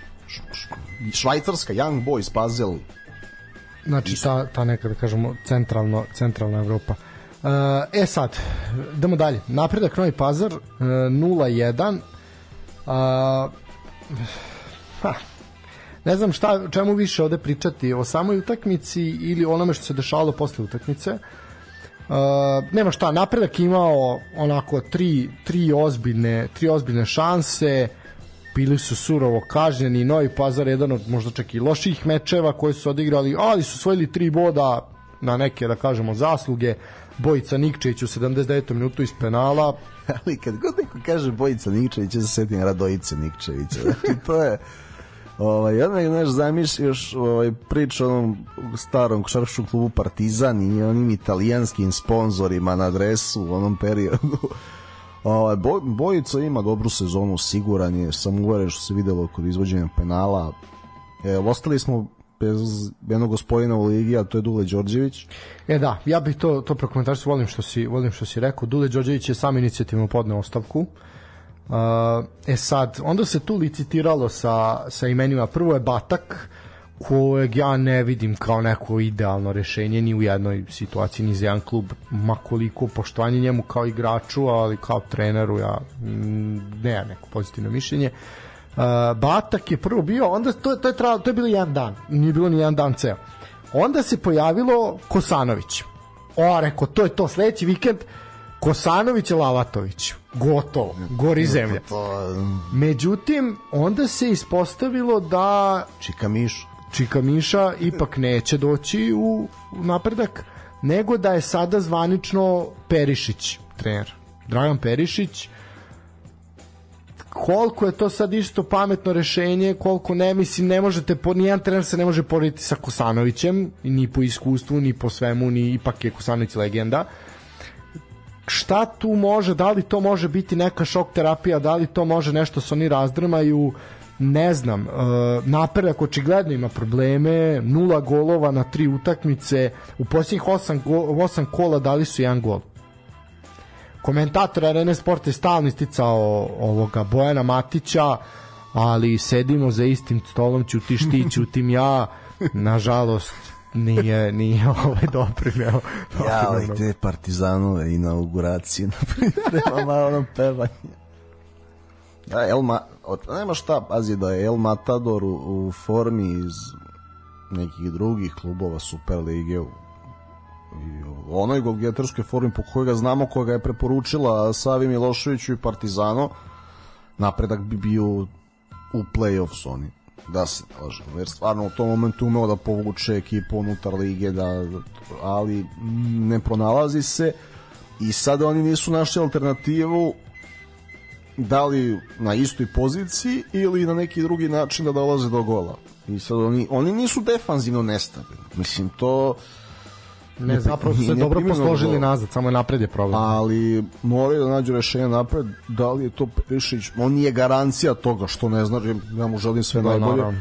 Naravno kažem, ja bih stvarno volao da je Čika Miša odlučio da se vrati. To bi ne, bilo... to bi bilo, to bi bilo, pa nešto sine nemoj. Ovaj. ali, ali to je, znaš, to je mnogo jači moment te čuvene konferencije, znaš, su svi fokusirani na, na Lalata i sad on tu ono drlje i kamenje i ti si se prodala za 500 evra, znaš. A Čika Miša, znaš, sad on sedi, ali on izvali da ga kamera snimi i onda mu glupo da ne kaže nešto, onda kao, a šta ću sad da kažem? Nešo, Lale, ne. nemoj. I Lalat koji sve vređa, sve psuje i onda okrene se levo i Persi, sa dužnim poštovanjem čika miš. znači, kraj. Ne, sledeća kolekcija džinglova će biti Nenad Laladović, apsolutno ovaj sa izjavama. Ali dobro. Uh, idemo dalje. Uh, nema šta ode, ode da se kaže, idu, idu dalje jedni drugi, Novi Pazar čeka utakmica kod kuće, vidjet ćemo sa kim. Uh, Crvena zvezda Čukarički. Evo je najavljeno kao svojevrsni derbi kola, međutim daleko je to bilo nikakvog derbija. Ja sam iskreno očekivao malo jači Čukarički, ovo Zvezda je totalno lako salomila bilo kakav otpor Čukaričkog, ali to je sad onaj moment kad Crvena zvezda ima samo jednu utakmicu nedeljno i realno ima dovoljan kvalitet da može svakog da nabije ovako sa po 3-0 već u 15. minutu. Tako da ja ne vidim kako će Crvena zvezda sa jednom utakmicom u, u, u nedelji, pa to je neko da je bio je Vuk Miloš gost, pa je rekao kogod da je trener Crvena zvezde tu jednu utakmicu u nedelji protiv objektivno slabijih rivala zaista može da može da spremi da dobije. Znaš kako, pričali smo mnogo o Zvezdi tokom jeseni, ja nisam stigao to da pogledam, pa mi ti reci a, kako ti se za sada čini Vigo na desnom beku? A, Vigo, mislim da je zaista, evo i prošlo, prošlo kolo je bio dobar i ovde sad je bilo to sasvim, sasvim pristojno i dobro. Naš, zaređao je sad nekoliko, nekoliko dobrih partija i na talasu tih dobrih partija je pozitivno mišljenje o njemu. Ali meni je to još uvek, to smo i prošli put rekli, meni je još uvek to prerano. Njega treba pustiti da vidimo jaču utakmicu. Daj da ga vidimo tipa na derbiju ili tako nešto, naš. Da li, je, da li Miloš Milojević njega, njega sa računa u derbiju ne računa? To ćemo videti, ali ja mislim da će on biti biti starter. Ovaj, ali ajde, daj da vidimo. Mislim što ovo jedino što treba reći je da je Kataj došao do 12. pogotka, lep gol Kataja i Bukari ovo za 3-0 čovek je izbaco tamo sve žive u odbrani jednostavno svi su polegali ubacio loptu u mrežu i to je to a, što se tiče Čukaričkog, je to, to ovaj, da, sad nisi isprati utakmicu, ali ono što treba napomenuti su braća Miladinović u Čukaričkom. Ova, eto, Igor je stariji, ima 19 godina, debitao čovjek u startnoj postavi, igrao 67 minuta, zamenio ga je upravo mlađi brat Uroš. Ovaj, Uroš koji je bio možda i ba, jedan od najboljih sigurno na ovom Ćele Vilotić turniru. Pod vojstvom Milaca Damjanovića znači Kabić i on su izdominirali turnir. Mm, i Milosavić iz TSC-a da, Igor, Igor je Igor je bio sasvim, sasvim solidan i negde eto imali smo taj transfer Čukaričkog upravo u taj MLS ovaj sad je otišao Petković ovaj, za koliko, za 3 miliona, jel, ako ne grešim. Da, to je postao već sad neki optimum radničkog, već koji put 3 miliona. Da, pozdravljam ovaj, čast. E sad, mislim da svakako su braća Miladinović na ono da kucnem u drvo da ih povrede zaobiđu uh, neka budućnost Čukaričkog koji će oni siguran sam dobro unovčiti. Pazi, Igor je bio dobar na ovom prvenstvu koje je timski loše odigrano na on mm -hmm. do 19 godina. Zove mladince, da. Mladince, kad je bio i Marko Lazetić. E, i tu, ovaj, tu je se Igor istakao u anarhiji. A u ovom dobro sklopljenom timu Uroš je uspeo da dođe do izražaja znači u ulazkom slupe. Kako? On je, ne, mislim, on je o, ono, pazi, ono neugodnu Finsku pa i Francusku sahranio. Znači, stvarno Ja bih ovde, ja bih ovde... Tako da, eto, drago mi je, i drago mi je da. za Nikolu Petkovića, kaže, nadam se da će tamo da se nametne, ali svim tim momcima, i njemu, i Joveljiću i Petroviću golmanu za kog se sad pazi Da, pominje sad. interes Manchester Uniteda Da. a, svima im je mesto u Evropi to meni je ovaj, Ima ta neka priča oko kupovine igrača mladih uh, u MLS zbog nadolazećeg svetskog prvenstva. Oni sad kupuju talentovane igrače jer veruju da bi popularizacijom došlo do još veće popularizacije futbala tako što će ti mladi igrači koji uh, čije reprezentacije će izboriti plasma na svetsko prvenstvo a već su igrači u njihovoj MLS ligi, a mogu da budu blizu reprezent, pardon, reprezentacije, da bi povećali interesovanje za za ovaj za samo prvenstvo koje bude i za utakmice. Vidi to negde u nekom onako univerzumu i nije toliko iščašeno razmišljanje, ali ajde. E, ima pitanje za Zvezdu je stiglo. Ove, evo Kaži. samo, samo Da. da. ne, to, to je sve super, to je deo jednog projekta, ne, ideje su sajne i tamo, mislim, i tamo je Liga napreduje, nego bih ja voleo, kažem ti, oni, američki e, koncept sporta, za razliku od svega drugog, o, njima je najmanje kriminala u sportu i njihova liga je zdrava, e, njihovi koncepti zdrave, znači to draftovi, da se rotira od prvog do posljednjeg, oni, e, svi ti koncepti imaju smisla, ali tu oni su znači jedna liga, jedna država, nema viših nižih rangova. Imaš profesionalnu ligu, imaš amaterske lige, nema ispadanja, nema... Da. I onda to dovodi do toga da taj mentalitet pa dobro ako se izgubi danas nije strašno a mislim da ovi mladi momci naši treba da se naviknu na to da tuži da znači da nauče da funkcionišu pod pritiskom baš zbog te reprezentacije da se stalno mora pobeđuje da stalno moraš da ste bolji i bolji. Oni mogu tamo malo tehnički da se razviju ako imaju dobrog trenera ali kažem ti mislim da je ono kompetitivna evropska liga mnogo bolja za njih. Ja im želim da se da se vrati što što pre. Eto, izvini, samo zato. Da, ništa. E, pitanje ovako. E, pitanje da li je Pešić potpuni promašaj za zvezdu, čovjek ne može da da gol, a stalno je u šansi, pritom njegova gestikulacija nije ko sportska, konstantno širi lju, ruke, ljuti se i ima uvijek nešto da doda sa igračima. Mm, o, nije potpuni promašaj. Čovjek je izvlačio zvezdu u prvom delu U prvom sezone. delu sezone sada nije u golgeterskoj formi, što ja, ja, e, ja ne volim te što imaju mnogo šansi pre derbija i promašuju ih pa onda posle Da, da, da, da, da, da. Onda pogode kad ne treba. ili volim ako je u Suprotno, suprotno, pošto to, to je ono što smo pričali priču ono interno kad su bili klinci ona polusezona 2014. i sad e, Drinčić je imao derbi je bio neka možda 11. utakmica po redu ili koja već u toj sezoni, a u prvih 10 on je svako imao neki slobodnjak prečka, stativa pored gola, pored prečki, stalno jao, jao, a vidiš lep izrađen udarac, uživaš kako lopta ide, uživaš kako čovjek to izvodi. I kad je došao derbi koji smo zajedno gledali, kad se približao lopti, ja kažem, gol. O, ne, ne, moral, e, ja tako onda ne bih se iznadio da Pešić bude strelac u derbiju ako Zvezda da gol. Vrlo moguće. Jer kad, uvek je bolje da igraš stalno u šansi, onda će dati gol. Pre ili kasnije će da krene kiša golova. Evo vidimo, ko Darwin Nunez koji je počeo sada i daje. A ako nije u šansi, nema gol. Prisetimo se Pešić je u prvom delu sezone izuzetno izvlačio zvezdu, igrao povrećen, igrao sam mislim Ne, ne, ovaj, pazi, i zahvalan, znači da ti odradi pressing, da, pa sad, on nije pretalentovan da se zagadi učestvuje u pas igri, ali uvek ima želju to da radi. I pazi, bodovi u pazaru, Pešić. Neki, u utakmicu u Evropi, golovi Pešić, asistencije Pešić, tako sigurno jedno deset utakmica da su, da je njegova rola ključ. Apsolutno. Upravo, i pri- pričali smo o tome. E sad ovako, još jedno pitanje vezano za Zvezdu. Da li delite stav, ovo je da, ovo je jako, jako ovaj, popularno mišljenje, da li delite stav da je Kata igrač za Lige petice, da je fizički spreman, možda ni nivo Tadića, ali karijera na nivou Đuričića ili tako nekog futbalera? No, naravno da, mislim... Može on da igra u Francuskoj, a u sedmom klubu u Francuskoj, razumeš, da, Pa može. Ne, pa ne može sada. Mogao je. Mogao je, ali da. Znači, on je zakasnio sa tim uh, jednostavno pretalentovan, ali mislim priča koju smo se mi ovako naslušali interno, ljudi još od srbobranskih kafana jednostavno su dovele dotle da, to je da je Huseinović čovek, priča.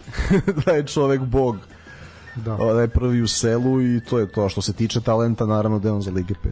Apsolutno, tu nema spora. A, Dobro, ajmo, idemo dalje. E sad, moram priznati da su ove utakmice, to su sve, pričali smo o subotnjim sad utakmicama, tu smo videli, ono, baš je to bilo loše, ono, ovi radnički, u Nišu katastrofa, napredak Novi Pazar isto jako tanka utakmica. Crvena zvezda Čukarički, to je jedno šamaranje, znači, baš onako, ovaj, nije taj subotnji program bio baš nešto. si rekao Pazar, moram da, da pohvalim i dalje da Lončar Kolubari donosi ono što je donosio Pazaru. Tako je. Veliko pojačanje, a s druge strane Pazar ne deluje toliko i dalje su kompaktni čak i bez njega. Pazar je napravio ozbiljan, ozbiljan posao. Uh, šteta je po meni samo što u svo poštovanje treneru Stankoviću, ali Gaćinović je velika šteta što tamo nije trenutno. Uh, e sad, uh, idemo dalje. Radnički 1923 Javor. Prva stvar, prelepo vreme u Kragujevcu, prelepo, izmamilo je publiku na tribine i to je nešto što je zaista bilo ovaj onako lepo za videti. Uh, ono što nije bilo lepo za videti to je rezultat. Bilo je 0-0, mislim da je Javor, složit ćeš se sa mnom, zadovoljniji ovim bodom. Ovaj, mada je radnički bio bolji i bio bliže golu i imali su i taj... Neći ovo proleće... Ali, brat, imali su i Manojlovića koji je skino sve. Ono je Zema uhvatio ovo. makazice jebo sa 4 metra, ovaj odbranio, ono kao... Znaš, znaš što je to mene podsjetilo? tipa Fabian Bartez, Jens Lehmann, ono 2004. godina, otprilike tako su, brat, znači to su one odbrane neke ludačke. To je, stačno gledam utakmicu kad Paul Scholes šutira Jensu Lehmann, ono neko ludilo, ovaj refleksno skida, znači ne znam da, da. kako da. Andrej Ševčenko i Jerži Dudek, ono finale. To je to naš, ono kao, ne, brate, čovjek je Manojlović se razbranio svaka čast. Ovaj, Mislim, ok, imao je Javor neke šanse, ali mislim da ne bi bilo da kažeš pravedno da je Javor na kraju za sva tri boda. Šteta, šteta što nije bilo golova. Mi je da sad Radnički je podigao nivo igre odnosno jesen, ali ih neće gola. Bila utakmica na jesen gde oni odu u goste, e, budu, da kažeš, egal ili čak i nadigrani i daju dva gola iz dve šanse onako pragmatično. A sada, sada ih nešto neće, ali ja, ja se nadam nešto Ovde je problem što klubovi, na primjer, kad pokušaju neke nove stvari u igri i rezultat ne dođe, onda se vrate na neki rigidan sistem. I ja, ja se samo nadam da će radnički nastaviti ovako da igra i zbog svoje publike koju si pomenuo, znači, pazi, e, ja mislim da je dobra odluka da se u Kragujevcu pravi stadion. To sam te e, sad, pitan, da. E, sad ta cifra mi je malo... da, to je sad malo. O, da li je stvarno za 20.000 ljudi o, potrebno 70 miliona evra, Kada je sve pozgupalo, ja mislim da nije, ne znam kako će, kakva je to. Jer nalazište stadiona je trenutno pod opsadom u Donbasu, znaš, tamo gde izviru stadioni, pa ih onda oni donesu ovde i zasade da oni porastu. Znaš, tako da, ali Kragujevac zaslužuje stadion i Kragujevac da, ima ko da napuni stadion. Neophodna. E, čikadača je jako, jako zvoni za onoj alarmi svih vrsta, zvone za renoviranjem tog stadiona, gotovo jednako koliko i Čajir u Nišu, to su neki za, i meni je duša me boli koliko god koliko god ovaj je bilo da kažem da mi je bilo drago što se grade i, i dra, znači video sam snimak sa stadiona u Leskovcu pa to je prelepo. To je prelepo to je nešto što nam treba ali jebi ga Bože što bi rekao moj Daniel treba nam taj čajir, treba nam taj čikadača, moramo renovirati stadione klubova koji su ipak u svo dužne poštovanje i Loznici i Zaječaru i svemu. Hoće da ali... da igra futbol u Leskovcu? To je pitanje sad. Jasno... Ma nek igra Dubočica u prvoj ligi, ne, ne, ja nikakav problem s tim ne, ne, nema. Ja se na, ne, ne, okej, okay, ali hoću ti kažem da je ovo... Mm, ovo mora, ovo mora. Znaš, ja bih o, svima naravno ako obezbede sredstva svima je potrebno, ja želim svakom novi stadion, znači koliko god klubova, znači od Partizana iz SD do zone. Apsolutno. Ali mora, ako, ako već se država time bavi, onda mora da se vidi ko dovlači publiku na stadion u, u, u nekoj meri. Znači, i onda pogledaš A sad je to... Ja mislim da stadion u Loznici Leskovcu, iako je potreba, nije prioritet. Ja bih nije radio... Nije u odnosu nove, slažem neki, se. nekim drugim gradovima to rešavao. Prvi ali, ko... prvi je taj Čikadaša, Čajir, Banovo Brdo, ja, Čukaričko. Ja, ja sam još partizan da krenemo od Zvezdi i Zvezdi treba rekonstrukcija i, i ja mislim da mi moramo stvarno da se pozdravimo sa stadionima tim sa atletskom stazom i to znači e, e ta priča River Plate je sklonio atletsku stazu to ne znam si video. Sklonili su atletsku stazu dob, i sad ono dobili su ne, nekih ono milion mesta još. Mislim ona služi samo da bi šta Boki Perić imao smisao u životu mislim. E a znaš šta je sad tu problem? Ta atletska staza služi nečemu služi dom na primer i stadion Rajko Mitić i stadion Partizana su domovi e, drugih klubova i sportska društva drugi klubovi u sportskim društvama treniraju na tom stadionu, treniraju na toj atletskoj stazi. Znaš, moraš njih onda negde smestiti, moraš njih negde udomiti. Je, to, to je, ali generalno taj koncept, ajde da izuzmemo to... Je isto, otišu u istoriju, slažem se. To, to je nešto što treba. Videćeš kad budemo išli u Topolu, sad kad malo, ovaj, pošto je već 20 stepeni, hvala Bogu, ovaj, kad budemo išli u Topolu... Da reklamiramo majice. Da. Videćeš kakva je to, kakva je to doživljaj kad si ti odmah do, do terena, do out linije. To je to, to je prava stvar, to je ono što treba. Kad je akustika dobro urađena, kad je sve, e to je onda, to je, to je prava stvar. I onda pritom je podloga travnata, vidi ono, znači, bomba. I ti kad onda na takvoj, na takvom stadionu, šta god, i da imaš ne, mali kapacitet, znači da nema, da to bude 2000 ljudi, nije problem, ali imaš akustiku, imaš se, imaš dobar teren, ma kad na dobrom terenu bre ta lopta klizi, to je uživanje za gledati, kakva god je utakmica. Imaš ekipe male koje prave rezultat u Evropi, igraju grupne faze, pa je 6000 ljudi na stadionu, pa šta? Na, ne rad, točka, to... da, pa nije point to. Ali svakako ovo treba i znaš kako sad ću zvučati kao đavoljev advokat, ali ja moram nešto reći. Oko te priče oko stadiona. Uh, na, kad su građeni stadioni kad je, kad je građen Čikadača, kad je građen Jena, kad je građena Marakana, kad je to, aj dobro Marakana je građena kasnije, ali ovo sve, kad je građeno? Građeno je nakon drugog svetskog rata kad je država bila u, do guše u govnima, kad je bilo gladi, kad je bila kriza, kad je bilo teško, kad je bilo gadno, ali tada se radilo. I to tada isto tako nije do, naišlo na odobravanje. Čak ni građenje stadiona Crvene zvezde koje je bilo u 60. godinama, pa nije naišlo na odobravanje, ali jebi ga, tako je, moralo se. Znači, nikad to neće, naš javnost, pogotovo koja ne prati, koja nije u tome, uvek će ona negodovati. Zašto se sad daje za stadion, a ne pravi se bolnica? Slažem se ja da treba jedno i drugo, ali jednostavno ljudi prošlo je 70 godina od kad su manje više ti stadioni napravljeni. Pa da su napravljeni od titanijuma, do sad su morali biti renovirani. I to je kraj tu se ova priča završava. To je samo pitanje efektivno koliko je zaista novca potrebno, gde on se tačno druga... ide i te tokove treba pratiti, ja pozivam stvar, da. da se to prati i obrati pažnja, a da je stadion potreban, da nam je sve potrebno, pa i stadion je potreban. Naravno. Kako odjedan put imate 3, 4, 5 hiljada ljudi u Topoli, pa imate, dragi moji, zato što imaju ljudi gde da dođu i osjećaju se kao ljudska bića, a ne kao životinje zatvorene u kavezu. Prijatno im je žela da dođe opet, što ti kažeš, blizu si akustika, a, servis, toalet, prati, toalet, znaš, kad pa, vi... da, evo, danas, sutra, kad budemo imali decu kad odvedeš na stadion, prvi problem će biti toalet, prvi problem će biti WC, a to tamo nije problem. A sam znaš kakva je situacija sa WC na stadionu Partizana u Karadžođu da ne pričam i tako dalje. Tu svaka priča završava. Tu mi možemo da ono, bez sam se iznervirao sad. Ve, već se stadion Partizan je takav da ni Miloš Vazura ne bi tu odveo neku eskort damu. Tako da... da. E, ništa, ajmo, ništa, idemo dalje. Ovo me nema šta da se kaže o ovom meču dalje. E, osim svaka čast Manojlović opet. E, GAT TSC. Perfektno prvo polu vreme, tri gola, Gat postigao prvi gol, ono potpuno, Denić je bio strelac, ovaj, eto, pričali smo baš o njom prošli put, E, svakako da je isključenje Hakmana u, pred kraj prvog polovremena uticalo na to drugo polovreme, da nije, da su ostali ravnopravni na terenu, boga mi bi gorelo sa obe strane. Da, to se sve propustio priliku da ih slomi do kraja, se držao tako da, znaš, gol prednosti je samo gol prednosti. Na kraju, na kraju se desilo ono što smo očekivali, to je da da to se co slavi, ali vidi, Znaš kako, Gat je neki zaokret napravio, oni su non stop, non stop dovodili, dovodili, dovodili igrače, ok, dalje dovodimo, ja sad ćemo da pogodimo.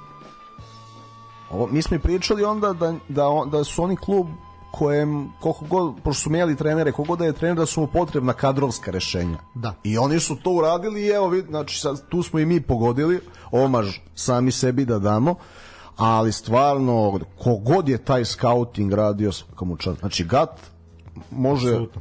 da igra sa svima, mislim što je pokazao. A ono što mi je posebno drago, da je sad, koliko god ja cenio Branka Žigića, ja prema tom čoveku imam neizmerno poštovanje, ali Ristovski je morao, ovo je, to je ono što kaže kosmička pravda. Čovek koji ih je uveo, čovek koji im je učinio sve, znači koji je od njih napravio superligaše, e, volim što se procvat ovaj deša upravo njemu. Eto, evo isto. Apsolutno. Tako da, e, Ratkov. Ratkov postigao fantastičan pogodak, prelepo. Pojavila se priča za Glasgow Rangers i Ratkova. Pazite sad koliko to, koliko to znači. Mislim, ok, svakako ću mi to pričati kad, kad dođu ljudi iz TSC-a, ali vidi. Nije, ozbiljna nije kažem, ja sam se, u, kažem, ja, ću, moram da se ponovim, ali ja sam se uplašio kad je jedan transfer propao, da će on da padne tokom proleća, on samo igra još bolje. Znači, očigledno da je dečko stabilan, spreman da uspe, ima trenera koji dobro radi s mladim igračima, ima koji želi da radi sa njim, koji razume milenijalse, to ćemo u nekoj drugoj emisiji kada, kada možda jezda bude došao. I ovo, ima podršku ekipe. Znači sad se nameće, svi mu veruju, znaju ako mu ide lopta da je pola gola i onako jedna, jedna lepa karijera u najavi. Znači i aktuelnosti i budućnost ono, pred nama ja stvarno verujem da ćemo uživati i da će on biti reprezentativni špic i tu ovaj, kažem ti još malo kad sazi ova plejada napadača 2003. četvrto godište Alazetić, Ratkov, Baždar, Milovanović, e, 2005. Jovan Mijatović, e, mislim da, da Luka Jović onako baš može da se oprosti od reprezentacije. e, Definitivno. Treba spomenuti gol Đakovca, eto i on je i on se malo popeo na listi strelaca. da, on, on, on je onako znaš, spazili smo ga u pazaru, potvrdio su TSC-u i ove, ni, nisam ja iznenađen što se Partizan raspitivao. Apsolutno. I pazi, i mnogo više bi doneo nego recimo Danilo Pantić, da je došao. To nema sumnje. E sad, e, izjava Lazetić, ja to moram. Znači, ka, e, kad je rekao, jako je bio simpatičan kad je imalo je tu, tu sad dolazimo do dva trenera koje su imali onako izjave sad i ova u narednom meču, a to je da je Lazetić ono kao, sad kad se sve završilo, samo da kažem, teren je bio katastrofalan. A pa nije baš bio tako katastrofalan kako ume da bude. Ja se slažem kad vi sa TSC arene pređete gde god da to ne valja, ali kako zna u Superligi da bude, mislim da je Karadžić bio solidan. A, lepo je vreme bilo i Lazetić je onako malo kroz šalu rekao eto da i VAR nama nešto dosudi jer kao nije ni verovao eto nije da VAR postoji jer uvek je bilo protiv njih. Sad malo onako sme, osmehnuo mu se brk nakon što je ovaj dodeljeno dodeljeno eto taj 11 terac za TSC nakon odluke VAR tako da eto ovaj bio je bio je Lazetić onako u svom u svom maniru što se tiče izjave Poslednja utakmica kola, Subotica, Spartak, Partizan, lepo je bilo videti onako lep, onako podosta publike je bilo u Subotici, to je bilo zaista lepo jer taj, šteta je kad je taj stadion prazan, a i taj stadion isto vapi za rekonstrukcijom. Vapi da bude isto potpuno novi stadion. A, da, rekonstrukcija je blaga reč da tamo treba, ali dobro. Uh, šta reći? Ricardo Gomes, čovek ovaj, odluke, eto, prošli put je Spartak bio svakako bolji na u Beogradu golom Bjelovića su pobedili, negde ono to je bilo pred kraj meča, ali su tukli one prečke i ono bilo je bilo je svega. Uh, ovde je ipak Partizan ovaj bio bolji, ali zaista zaista jedna tesna, tesna pobeda Partizana i četvrti uzastopni poraz Spartaka. Ali Spartak mora tako da odigra neke, da igra tako neke druge utakmice dolazio bi do bodova i tu sad znaš, dolazimo do toga šta igrače motiviše, znači možete više, a to ne radite i sad je tu, tu se postoje neka druga pitanja, jer takav Spartak kakav smo bili protiv Partizana nije kandidat za ispadanje. A meni, meni je sad, pravo ti kažem, mm, ok, tri gola, Ricardo svaka čast, nešto me, je meni drugo interesantno ovde a, od pre sat vremena, a nije Petrićeva izjava. Znači sad ne znam da li si video, a to je da se, pazi, u četvrtak u 15 do 7 je utakmica Tako sa šerifom, južna tribina sad poziva na protest u 5.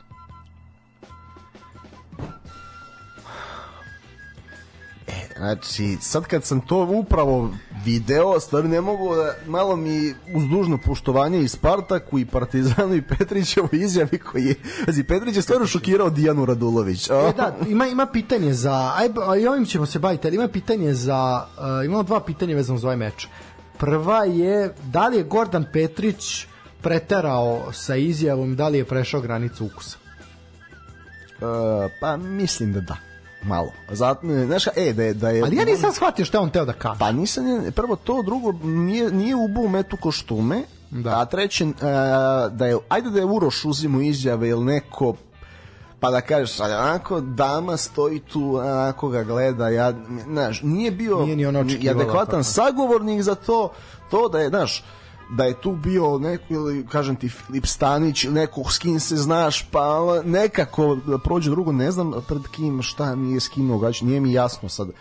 Mislim da je ne mislim da je besan ne znam uh, besan je na svoje igrače i na još nekog zbog uh, utakmice protiv mladosti Gata nije ga popustilo znači imao je konferenciju nakon te utakmice, imao je konferenciju pred šerif, imao je konferenciju posle šerifa, imao je konferenciju pred Spartak, pred Spartak. I ova izjava posle Spartaka znači da, da se osteća se da ga je neko izdao, ne znam na, na koga i na šta misli i on nekom sada šalje neke poruke koje mi ne razumemo, ali nije, kaže, mislim, meni je, ja ne bih pred, pred damom tako nešto, ta, u etru milionski auditorijum ne bih tako rekao Pa ne, mislim... Čak, čak i da, da, smo, da bolje razumemo kontekst da je ubu metu, ne bih zbog Dijane, evo ja, ja kažem. Da, ovaj, ja moram priznati da ja nisam, nisam ja tu izjavu baš shvatio, Uh, eto, da, duge gaće još nisam skinuo, skinuću ih uskoro, ali figurativno nisam skinuo gaće. Čitaju ljudi knjige pa će razumeti. Ne, ne znam, ja ne eto ja ja čitam knjige, al ne razumem ovo. A... Nekom je upućeno, ovo nije da razume svako, mislim to. Ne, je. ovo ovo je vidi, ovo je ovo je ili nekom u, u klubu ili nekom, ne znam, u savezu ili ligi, nekom tu. Da. Drugo pitanje. Edmund Ado, a, mišljenje kaže ne je kao kalibar za Vojvodinu ili TSC, a ne, a ne za Zvezdu. Ja opet mislim da je prerano. Čovjek nije imao ozbiljnog futbala neko vreme, a mislim da je prerano. Pa nek pogledaju ljudi snimak Šerif Real Madrid pa da vide zašto Da, neka ga. Mislim da se takva, opet kažem, takva investicija se isplati ovaj, da se vidi da li, to smo pričali prošli put, ovaj, jeste privukao pažnju, ali mislim da mu treba dati još, treba dati još vremena. A što se tiče tog, te utakmice, ajde i to imamo šerif, pa ćemo na, najaviti kolo 15 do 7, karata ima dosta, uh, problem je to igranje ove, Evrolige, mislim neki sat vremena nakon početka utakmice i tu će doći do, ali to smo već isto spomenuli, Ma, ko neki ide, ko će da gleda, naravno svako bira sebi zabavu. Pa ja mislim, ja sad, možda su neki akteri e, te utakmice ovaj koji će sedeti u loži instruisali ovaj protest u pet znači ja ja sad ne znam šta da mislim. Da. Jer znamo koga zanima fudbalski klub i sportsko društvo i ko nije dobio potpuni plen i šta je hteo. Ja da. sad, znači, stvarno mi je ovo prvo sama utakmica protiv Gata, onda povlači pitanja, ali paziš, ti, mi treba da ovo, prođemo to, da igramo, da idemo u osminu finala, da uzmemo novac, da uzmemo, da se borimo za koeficijent tamo, šta će ti tu, idi uh, evo ti posle toga šta ide radnički Kragujevac. Da. Evo ti tu po protestuj kako hoćeš, da. Nemo. Što pred šerif? Kako da. to može da utiče na igrače?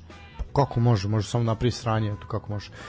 Uh, ajde Ruž, ružan potez ma kogod ne, ne, ne šokiran sam mislim, ja, mislim mi, mi znamo da tribina nikad ne radi sama i kogod ih je instruisao ružno ih je instruisao Ne, ne, znaš, vidi, oni rade tako, oni će meni da učine Vučelu simpatičnim čovjek.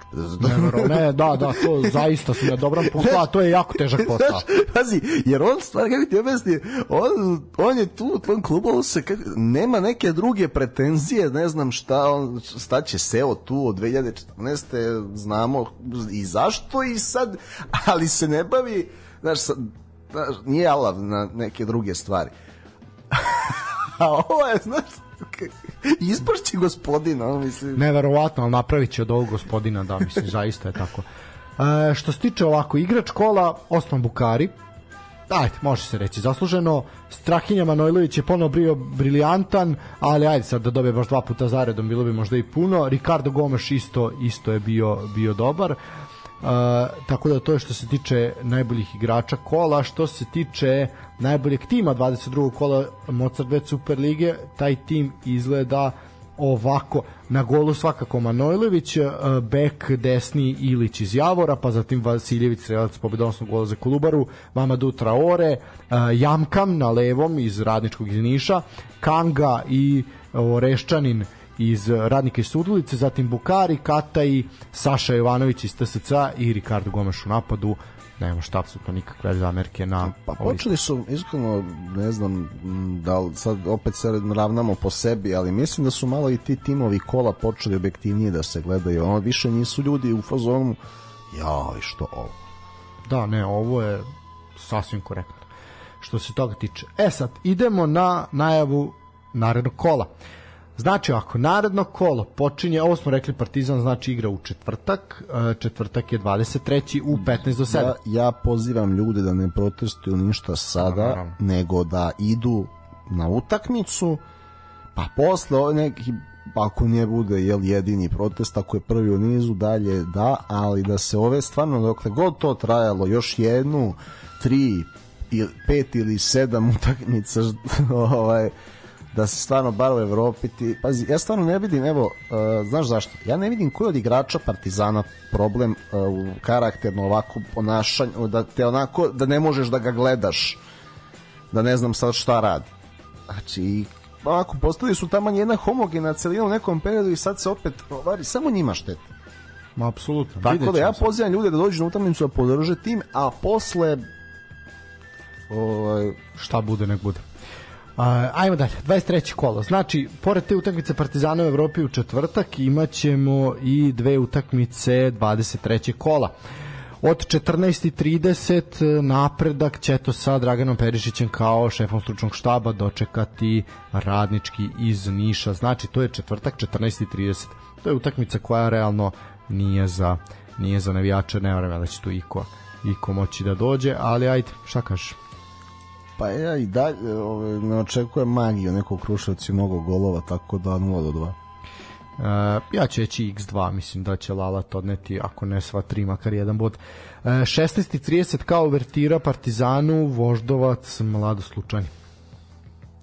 Mladost bez pobede u, na, u gostima, Voždovac na svom terenu.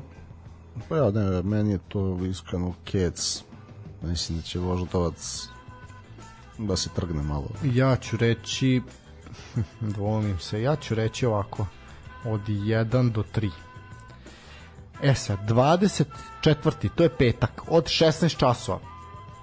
Na stadionu Karadžođe Vojvodina dočekuje radnik iz Surdulice.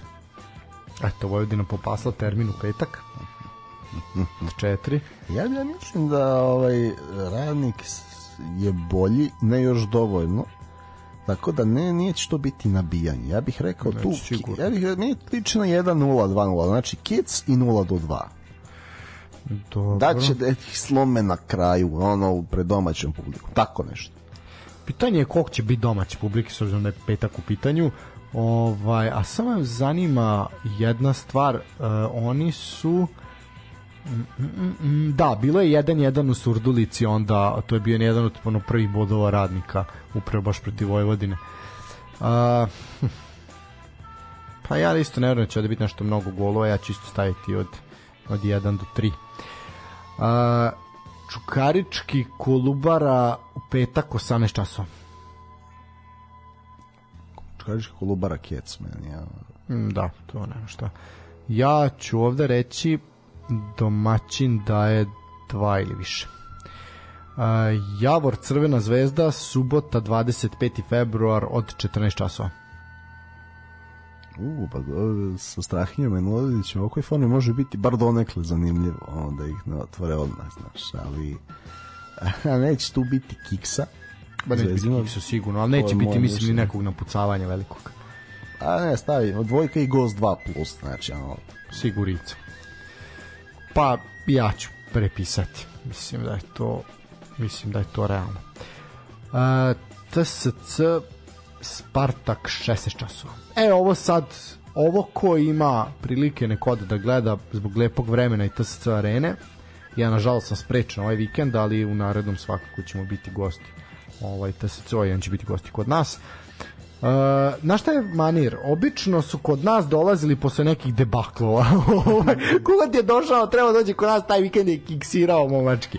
Tako da... To je problem sa Spartakom što ti sad ne znaš što će oni da odigraju recimo slično kao protiv Partizana da pruže otpor da nešto a ne znam meni je ja bih ja bih rekao Keci domaćin daje dva mm, ono 2-1 mi je nešto najbolje što Spartak može da izvuče Da, pa ja će će poluvreme ili kraj Kec, mislim da je to sigurno opklada a bit će i simpatična kvota. E, od 18 časova u subotu Novi Pazar Gat. Evo, ovo je ozbiljna utakmica. to je možda za neku granicu ono kartoni više ali Korneri više. tako nešto Ne, ovo vidi, ovo će biti dobra utakmica. Ovo će biti dobra intenzivna sigurno. Sad ne, Sigurno, kako će će prštati. koliko će leprošova bude to, Ne, to, ali će biti borbe. to može da bude 0-0 može da bude 3-3 Apsolutno. ali znači Nadamo ima se da će biti 3-3. ja, e, ja ću da kažem 2 do 4 Ja ću biti reći golova ipak. Ja ću reći o, gol gol oba tima daju po gol. Makar po gol. A, nedelje, jedini duel u nedelju a to je 26. drugi Partizan Radnički Kragujevac. To mi je ja ću reći ku e, rekao bih 1 do 3 prvo i 1 do 3 drugo o si ga sad uvatio to je onako da, da, sad, da. A, uf. 2 do 4, ajde. A, boga mi gusto, gusto, mislim da ovo prošlo kolo bilo mnogo lakše za prognozirati. A, što se tiče Superlige Srbije, ovo je priča za ovo kolo i za naredno. A, pitanje derbija. Pitanje derbija, to niko se danas nije oglasio koliko sam ja video, bar do početka snimanja ove emisije. Prvo su, prva je zajednica Superligaša objavila da će 169. večiti derbi biti odigran 2. marta, što je četvrtak od 18 časova. Skočili su svi zbog evroligaške utakmice, a onda je Crvena zvezda pustila karte u prodaju za Čukarički i ovo je već sad drugi ili treći derbi po redu na stadionu Crvene zvezde da ovo rade. Znači da se kupi karta za manju utakmicu, a dobijete za veću. To nikad nije bilo. Uvek je bila bio taj neki, da kažemo, praksa je bila da se kupi za derbi, pa dobiješ još dve, ono tipa Metalac, Gornji Milanovac i ne znam još nešto, Javor ili tako nešto što ono nikog ne, Sloboda Užice, što nikog ovaj ne zanima. Tako da ovo samo pokazuje da je Crvena zvezda u krizi što se tiče dolaska ljudi na stadion. A, I ovo sad ostaje još uvijek nerešeno pitanje kad je. Neko kaže igra se u sredu od 19. To je objavila Crvena zvezda. Da li je moguće sada da jedan klub, ma koji to klub bio, ima a, brže i tačnije informacije u odnosu na zajednicu Superligaša? Jer ako se to zaista ispostavi kao tako, onda je to problem. Ne, ja ću ti reći iz jednog drugog ugla stvar koju vidim, a to je pričali smo o tome i pričaju su i fitness treneri poznati u futbalu da je nakon jedne utakmice prava stvar kad imaš tri puno dana za oporavak i četvrti igraš sledeću. Tako je. Znači, Partizan e, može da je nekad ima dva dana, nekad tri slobodna i sad da odigra u ned, znači idemo četvrtak šerif, nedelja Kragujevac, ponedeljak sreda, utorak sreda oporavak i odmor, četvrtak derbi. Znači to ovako kada je, da, kad se igra derbi u sredu Partizan dva puta, ima samo dva dana oporavka i minimalno vreme za trening i pripremu sledeće utakmice i to je mnogo teža stvar. I zato ovaj to posebno neko ljud, Miloš Milojević ljudi koji su okružuju njime to mnogo dobro znaju i bave se tim stvarima mnogo više nego neki raniji ljudi u Zvezdi i znaš, ta Euroliga, to kad dolaze naši ljudi iz inostranstva, mislim, ko da dolazi 50.000 njih baš iz inostranstva da gleda znaš, derbi, a drugo, a dosta mi je više i te Evrolige, veća je utakmica Zvezda Partizan nego ove Nego bilo po, koja. nego jedna od 34 utakmice u Evroligi. A, slažem se, ali mislim da ne treba da ne treba da se poklapaju termini. opet, A, ne god. treba, ali ako već moraju da se poklapaju, meni je jasno znači šta je Šta je prioritet. jedan. A, e sad lako Tako da kažem ti, ide se na to jednostavno, na- znači domaćini su pokušavaju da se izbore za sebe, za umorniji partizan i to je to. I ishodno terminu partizan će praviti više ili manje rotacija protiv Kragujevca. Eto, to je, na kraju će biti cela uh, filozofija priče. Uh, naravno, aj, ovo samo jako kratko, pošto nemamo puno vremena, hoću još jednu temu da spomenem. Uh, ovako, uh, a to je, s- za vikend startu je i Prva Liga Srbije i mi smo dobili pitanje koje timove iz Prve Lige Srbije očekujete u Superligi, a koje biste voleli. Pa ću ja samo kratko reći ko igra s kim. Uh, Vršac, Sremska Mitrovica, Grafičar, Železničar Pančevo, Indija, Loznica, Jedinstvo UB, Zlatibor Čajetina, Metalac protiv Mačve, Radnički Beograd protiv Rada, eto mali beogradski derbi, Sloboda Užice IMT, Trajal, RFK Novi Sad. Što se tiče tabele, da podsjetimo ljude, srpski championship izgleda ovako, IMT prvi su 43, pa Grafičar 37, koliko ima Železničar, isto 37, tu će biti borba, Sremska Mitrovica 29, koliko ima Indija, ima bod manje 28, 28 ima RFK Novi Sad, Trajal je sedmi sa 25, toliko ima i Vršac na osmom mestu, znači tu su izjednačeni, a već prvi ispod te play-off zone, znači prvi u play-out zoni je Sloboda Užice sa 24, koliko ima jedinstvo u isto 24, pa Mačeva 22, pa 12. radnički iz Beograda sa 20, pa je Metalac i Loznica su na 19, a 15 i 16 su Rad i Čajetina sa 16, odnosno 15 bodova. Ovde prognozirati i pogoditi nešto, nema šanse. Ovo će biti ludilo onako svetskih razmera, ovo će baš biti srpski championship u svakom smislu te reči. To nešto prognoze, neću se supuštam prognoze, jer suludo je Pa ne, da. I možda koga bih volao, volao bih Novi Sad. Pa Ja voleo, naravno, ono. da, RFK bi svakako voleli, A, koga Pa očekujem? Pa očekujem i IMT, mislim da tu postoji neka ambicija malo veća. Ne bih voleo grafičar zato što su to sigurni bodovi za zvezdu. da, to je filijala, mislim da to Znaš, neće. to ne bih. Nije, nisam pristali, znaš, Pa, uvek sam pristalica toga da Znaš, kao što ono jedne godine kad je Teleoptik bio pri vrhu tabele prve lige Srbije, bile odmah se digla dževa, ne mogu oni u viši rang i ostalo, pa na kraju nisu ni imali bodova za Da. viši rang. Tako da ne bih voleo ni, ni grafičar, ovaj, ko što ni ta nije trebalo Teleoptik da ulazi, a koga, šta kažem, ne znam. Pa i RFK. IMT, pa IMT ima znaš, prednost u jednoj jednačnoj ligi, oni bi baš morali da zaređaju neki loš niz, ali ključno je znaš što ti ranije recimo kad ispadne pa vidiš Javor, ti znaš da će Javor da ima ambiciju da se vraća. Ja sad ovde nisam siguran ko je onako zagrizao da, da uđe a da ima, jer gledaj, rad je nisko, metalac je nisko, znači opet možda je Da. Indija tu najbliža, Ono što Znam bih- da jedinstvo UB ima dugoročnu ambiciju, ali nema on ne može sad da napravi ne znam kakav iskorak, to bi trebalo veže 15 pobeda da... Pa nije isključeno da će se tu svašta dešavati, da će tu biti nekih ludačkih nizova. Ono što bih ja voleo, voleo bi slobodu iz Užica. Voleo bi slobodu iz Užica, pogotovo zbog te publike koja tamo koja tamo ovaj dolazi, Tako mislim. da, evo, u stvari da vam odgovorimo tamo gde, gde će biti publike, želimo dobrodošli su u prvu ligu. Tako je. E, Tako krat, da ja nisam za IMT, ali mislim da će to da ostvari. Pa da, vidit ćemo tu šta će biti. Pitanje tog stadiona gde će IMT igrati, to je veliko pitanje. Nemaju oni rešenu infrastrukturu. E, ono što je bitno, što je svakako jedna od najlepših vesti koja se desila u prethodnoj nedelji, a to je da je Vojvodina ušla u četvrtfinale Kupa EHF-a.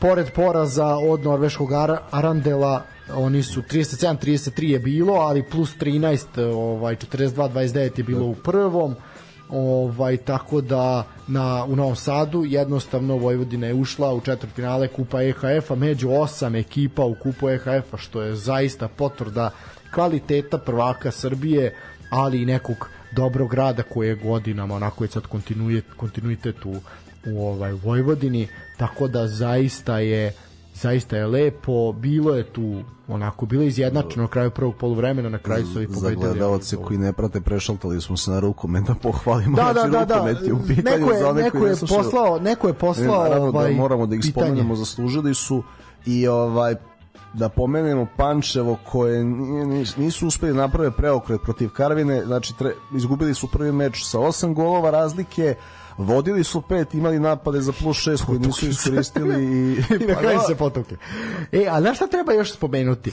A to je da je ovde spomenuti Ja, za njih ovaj, ima opravdanje, imaju loš vazduh i rafineriju i Da, tako da to utiče na raspoloženje. A šta onda reći o, o, o Kaćanima? Ovaj, da je Vladica Stojanović, kog smo skoro komentarisali, je dobio crvenu zvezdu ovaj, u hramu rukometa u Kaću i to je nešto što je zaista onako za aplauz.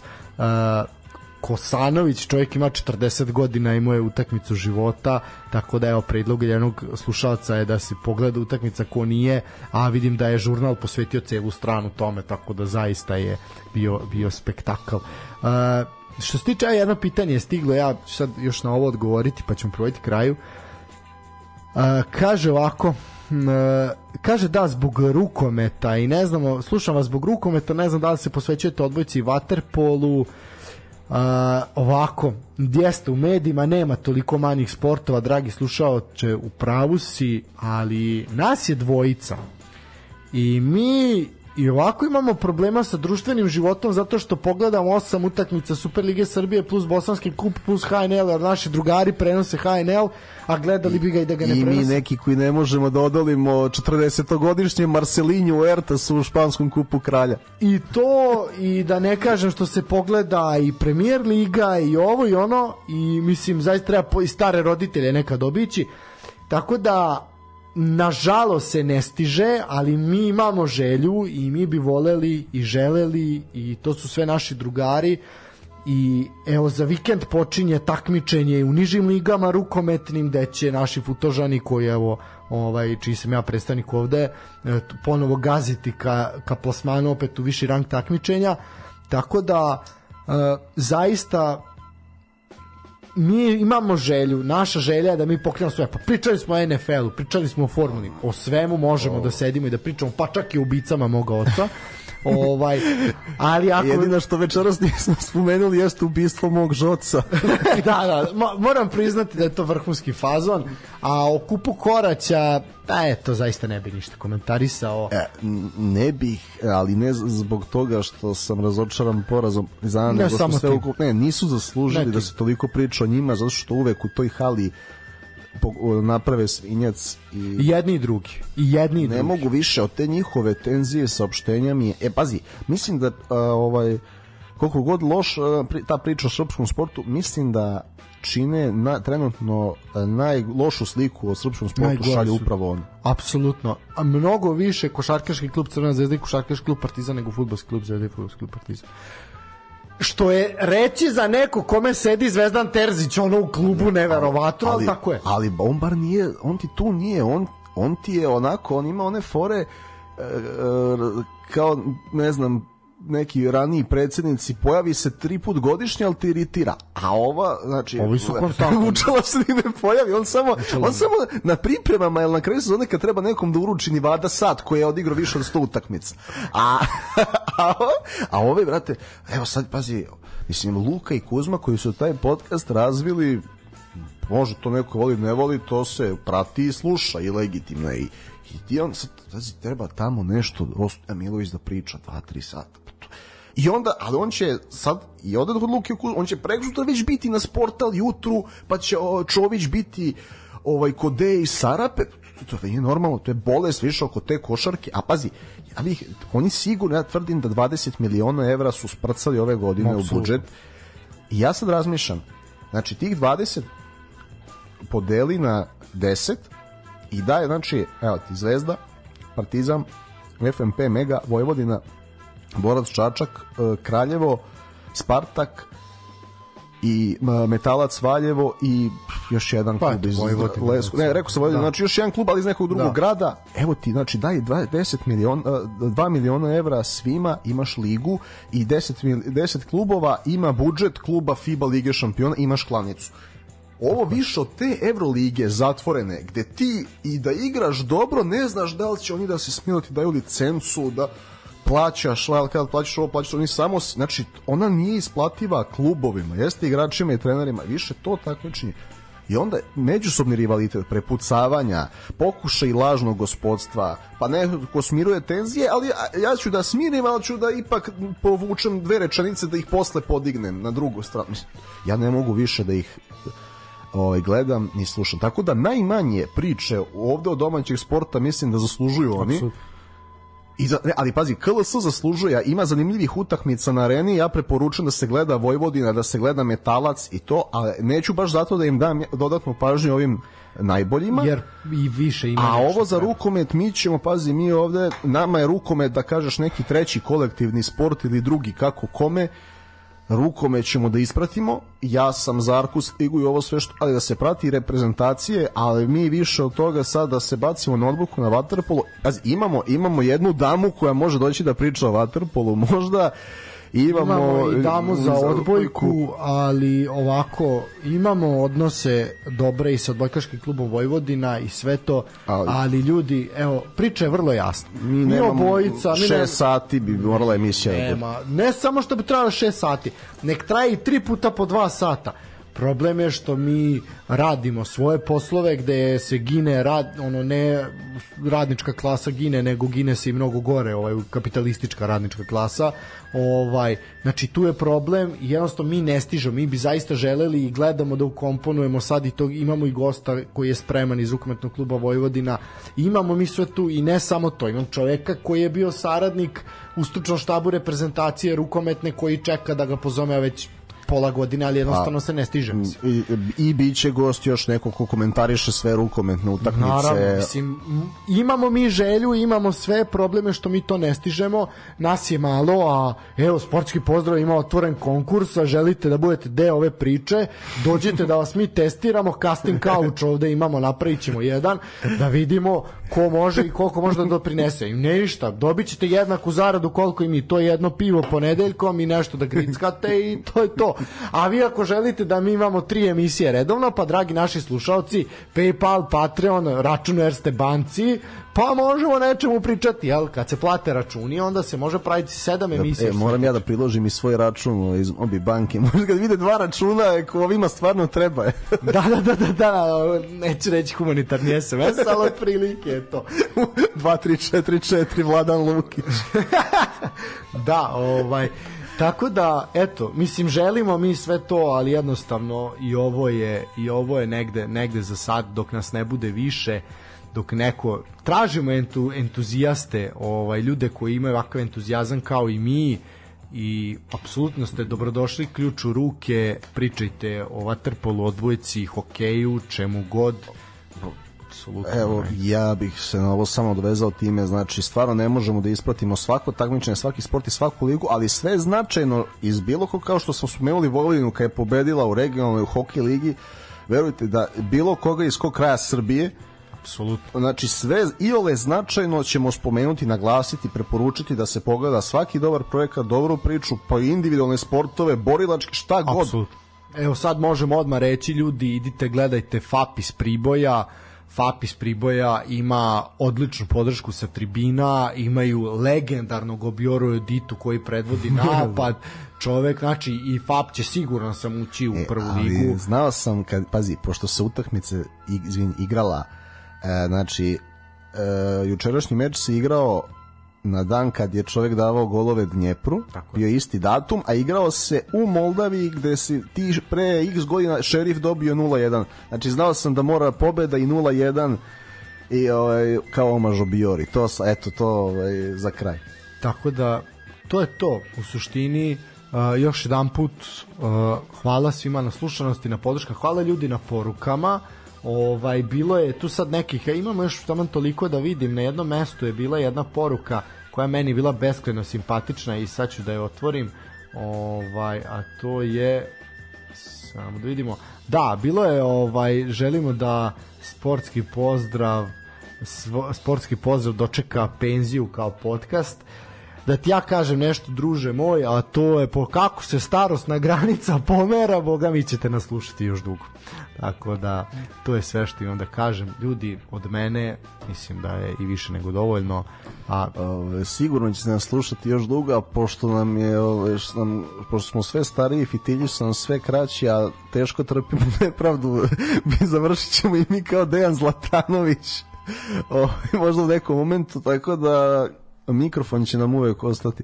Šalom na stranu, e, stvarno, ovaj, sad se već o, imamo i obavezu malo, zato što raste i broj poruka, podrške, pozdrava, tako da sad ovaj, sve ovo što radimo dobija smisao i ovaj, hvala svima što ne, sad to u nama budi želju da proširimo priču, budemo višestruko korisni. znači. I ovaj, nema, znači, E, imam još jednu stvar, ajde sad, ne vredi, ne ovaj, otišli u đavola. A, to je, ja se izvinjavam zbog tehničkih smetnji koje imam. Naime, u toku mi to ne čujemo. Nas dvojica nosimo slušalice na ušima i mi, na ušima i mi to ne čujemo. Ali te tehničke smetnje su nažalost prisutne i ovaj problem je što nešto je u tom izlazu, to su i Daško i Mlađa pričali, nešto se dešava sa našom zvučnom karticom, tako da se ja zaista izvinjavam dešavaju se oni prekidi kao kad držite telefon pored rutera, ovaj, pa se to tako, tako čuje. Uh, ja se zaista izvinjam zajedno sa našim ovaj radijskim ocima ćemo to pokušati nekako da saniramo. Da li možda samo vreme da se ovaj stan usisa, pa će se taj problem rešiti, ali definitivno nešto nešto nije kako treba, tako da eto, ako među slušalaštvom ima nekih ovaj da kažemo audio tehničara koji znaju i razumeju se naša vrata su im otvorena, pomozite nam. To je to. Ja zvanično završavam, pričao sam i previše. Laku noć od mene. Laku noć. Uživajte, čujemo se. Yeah.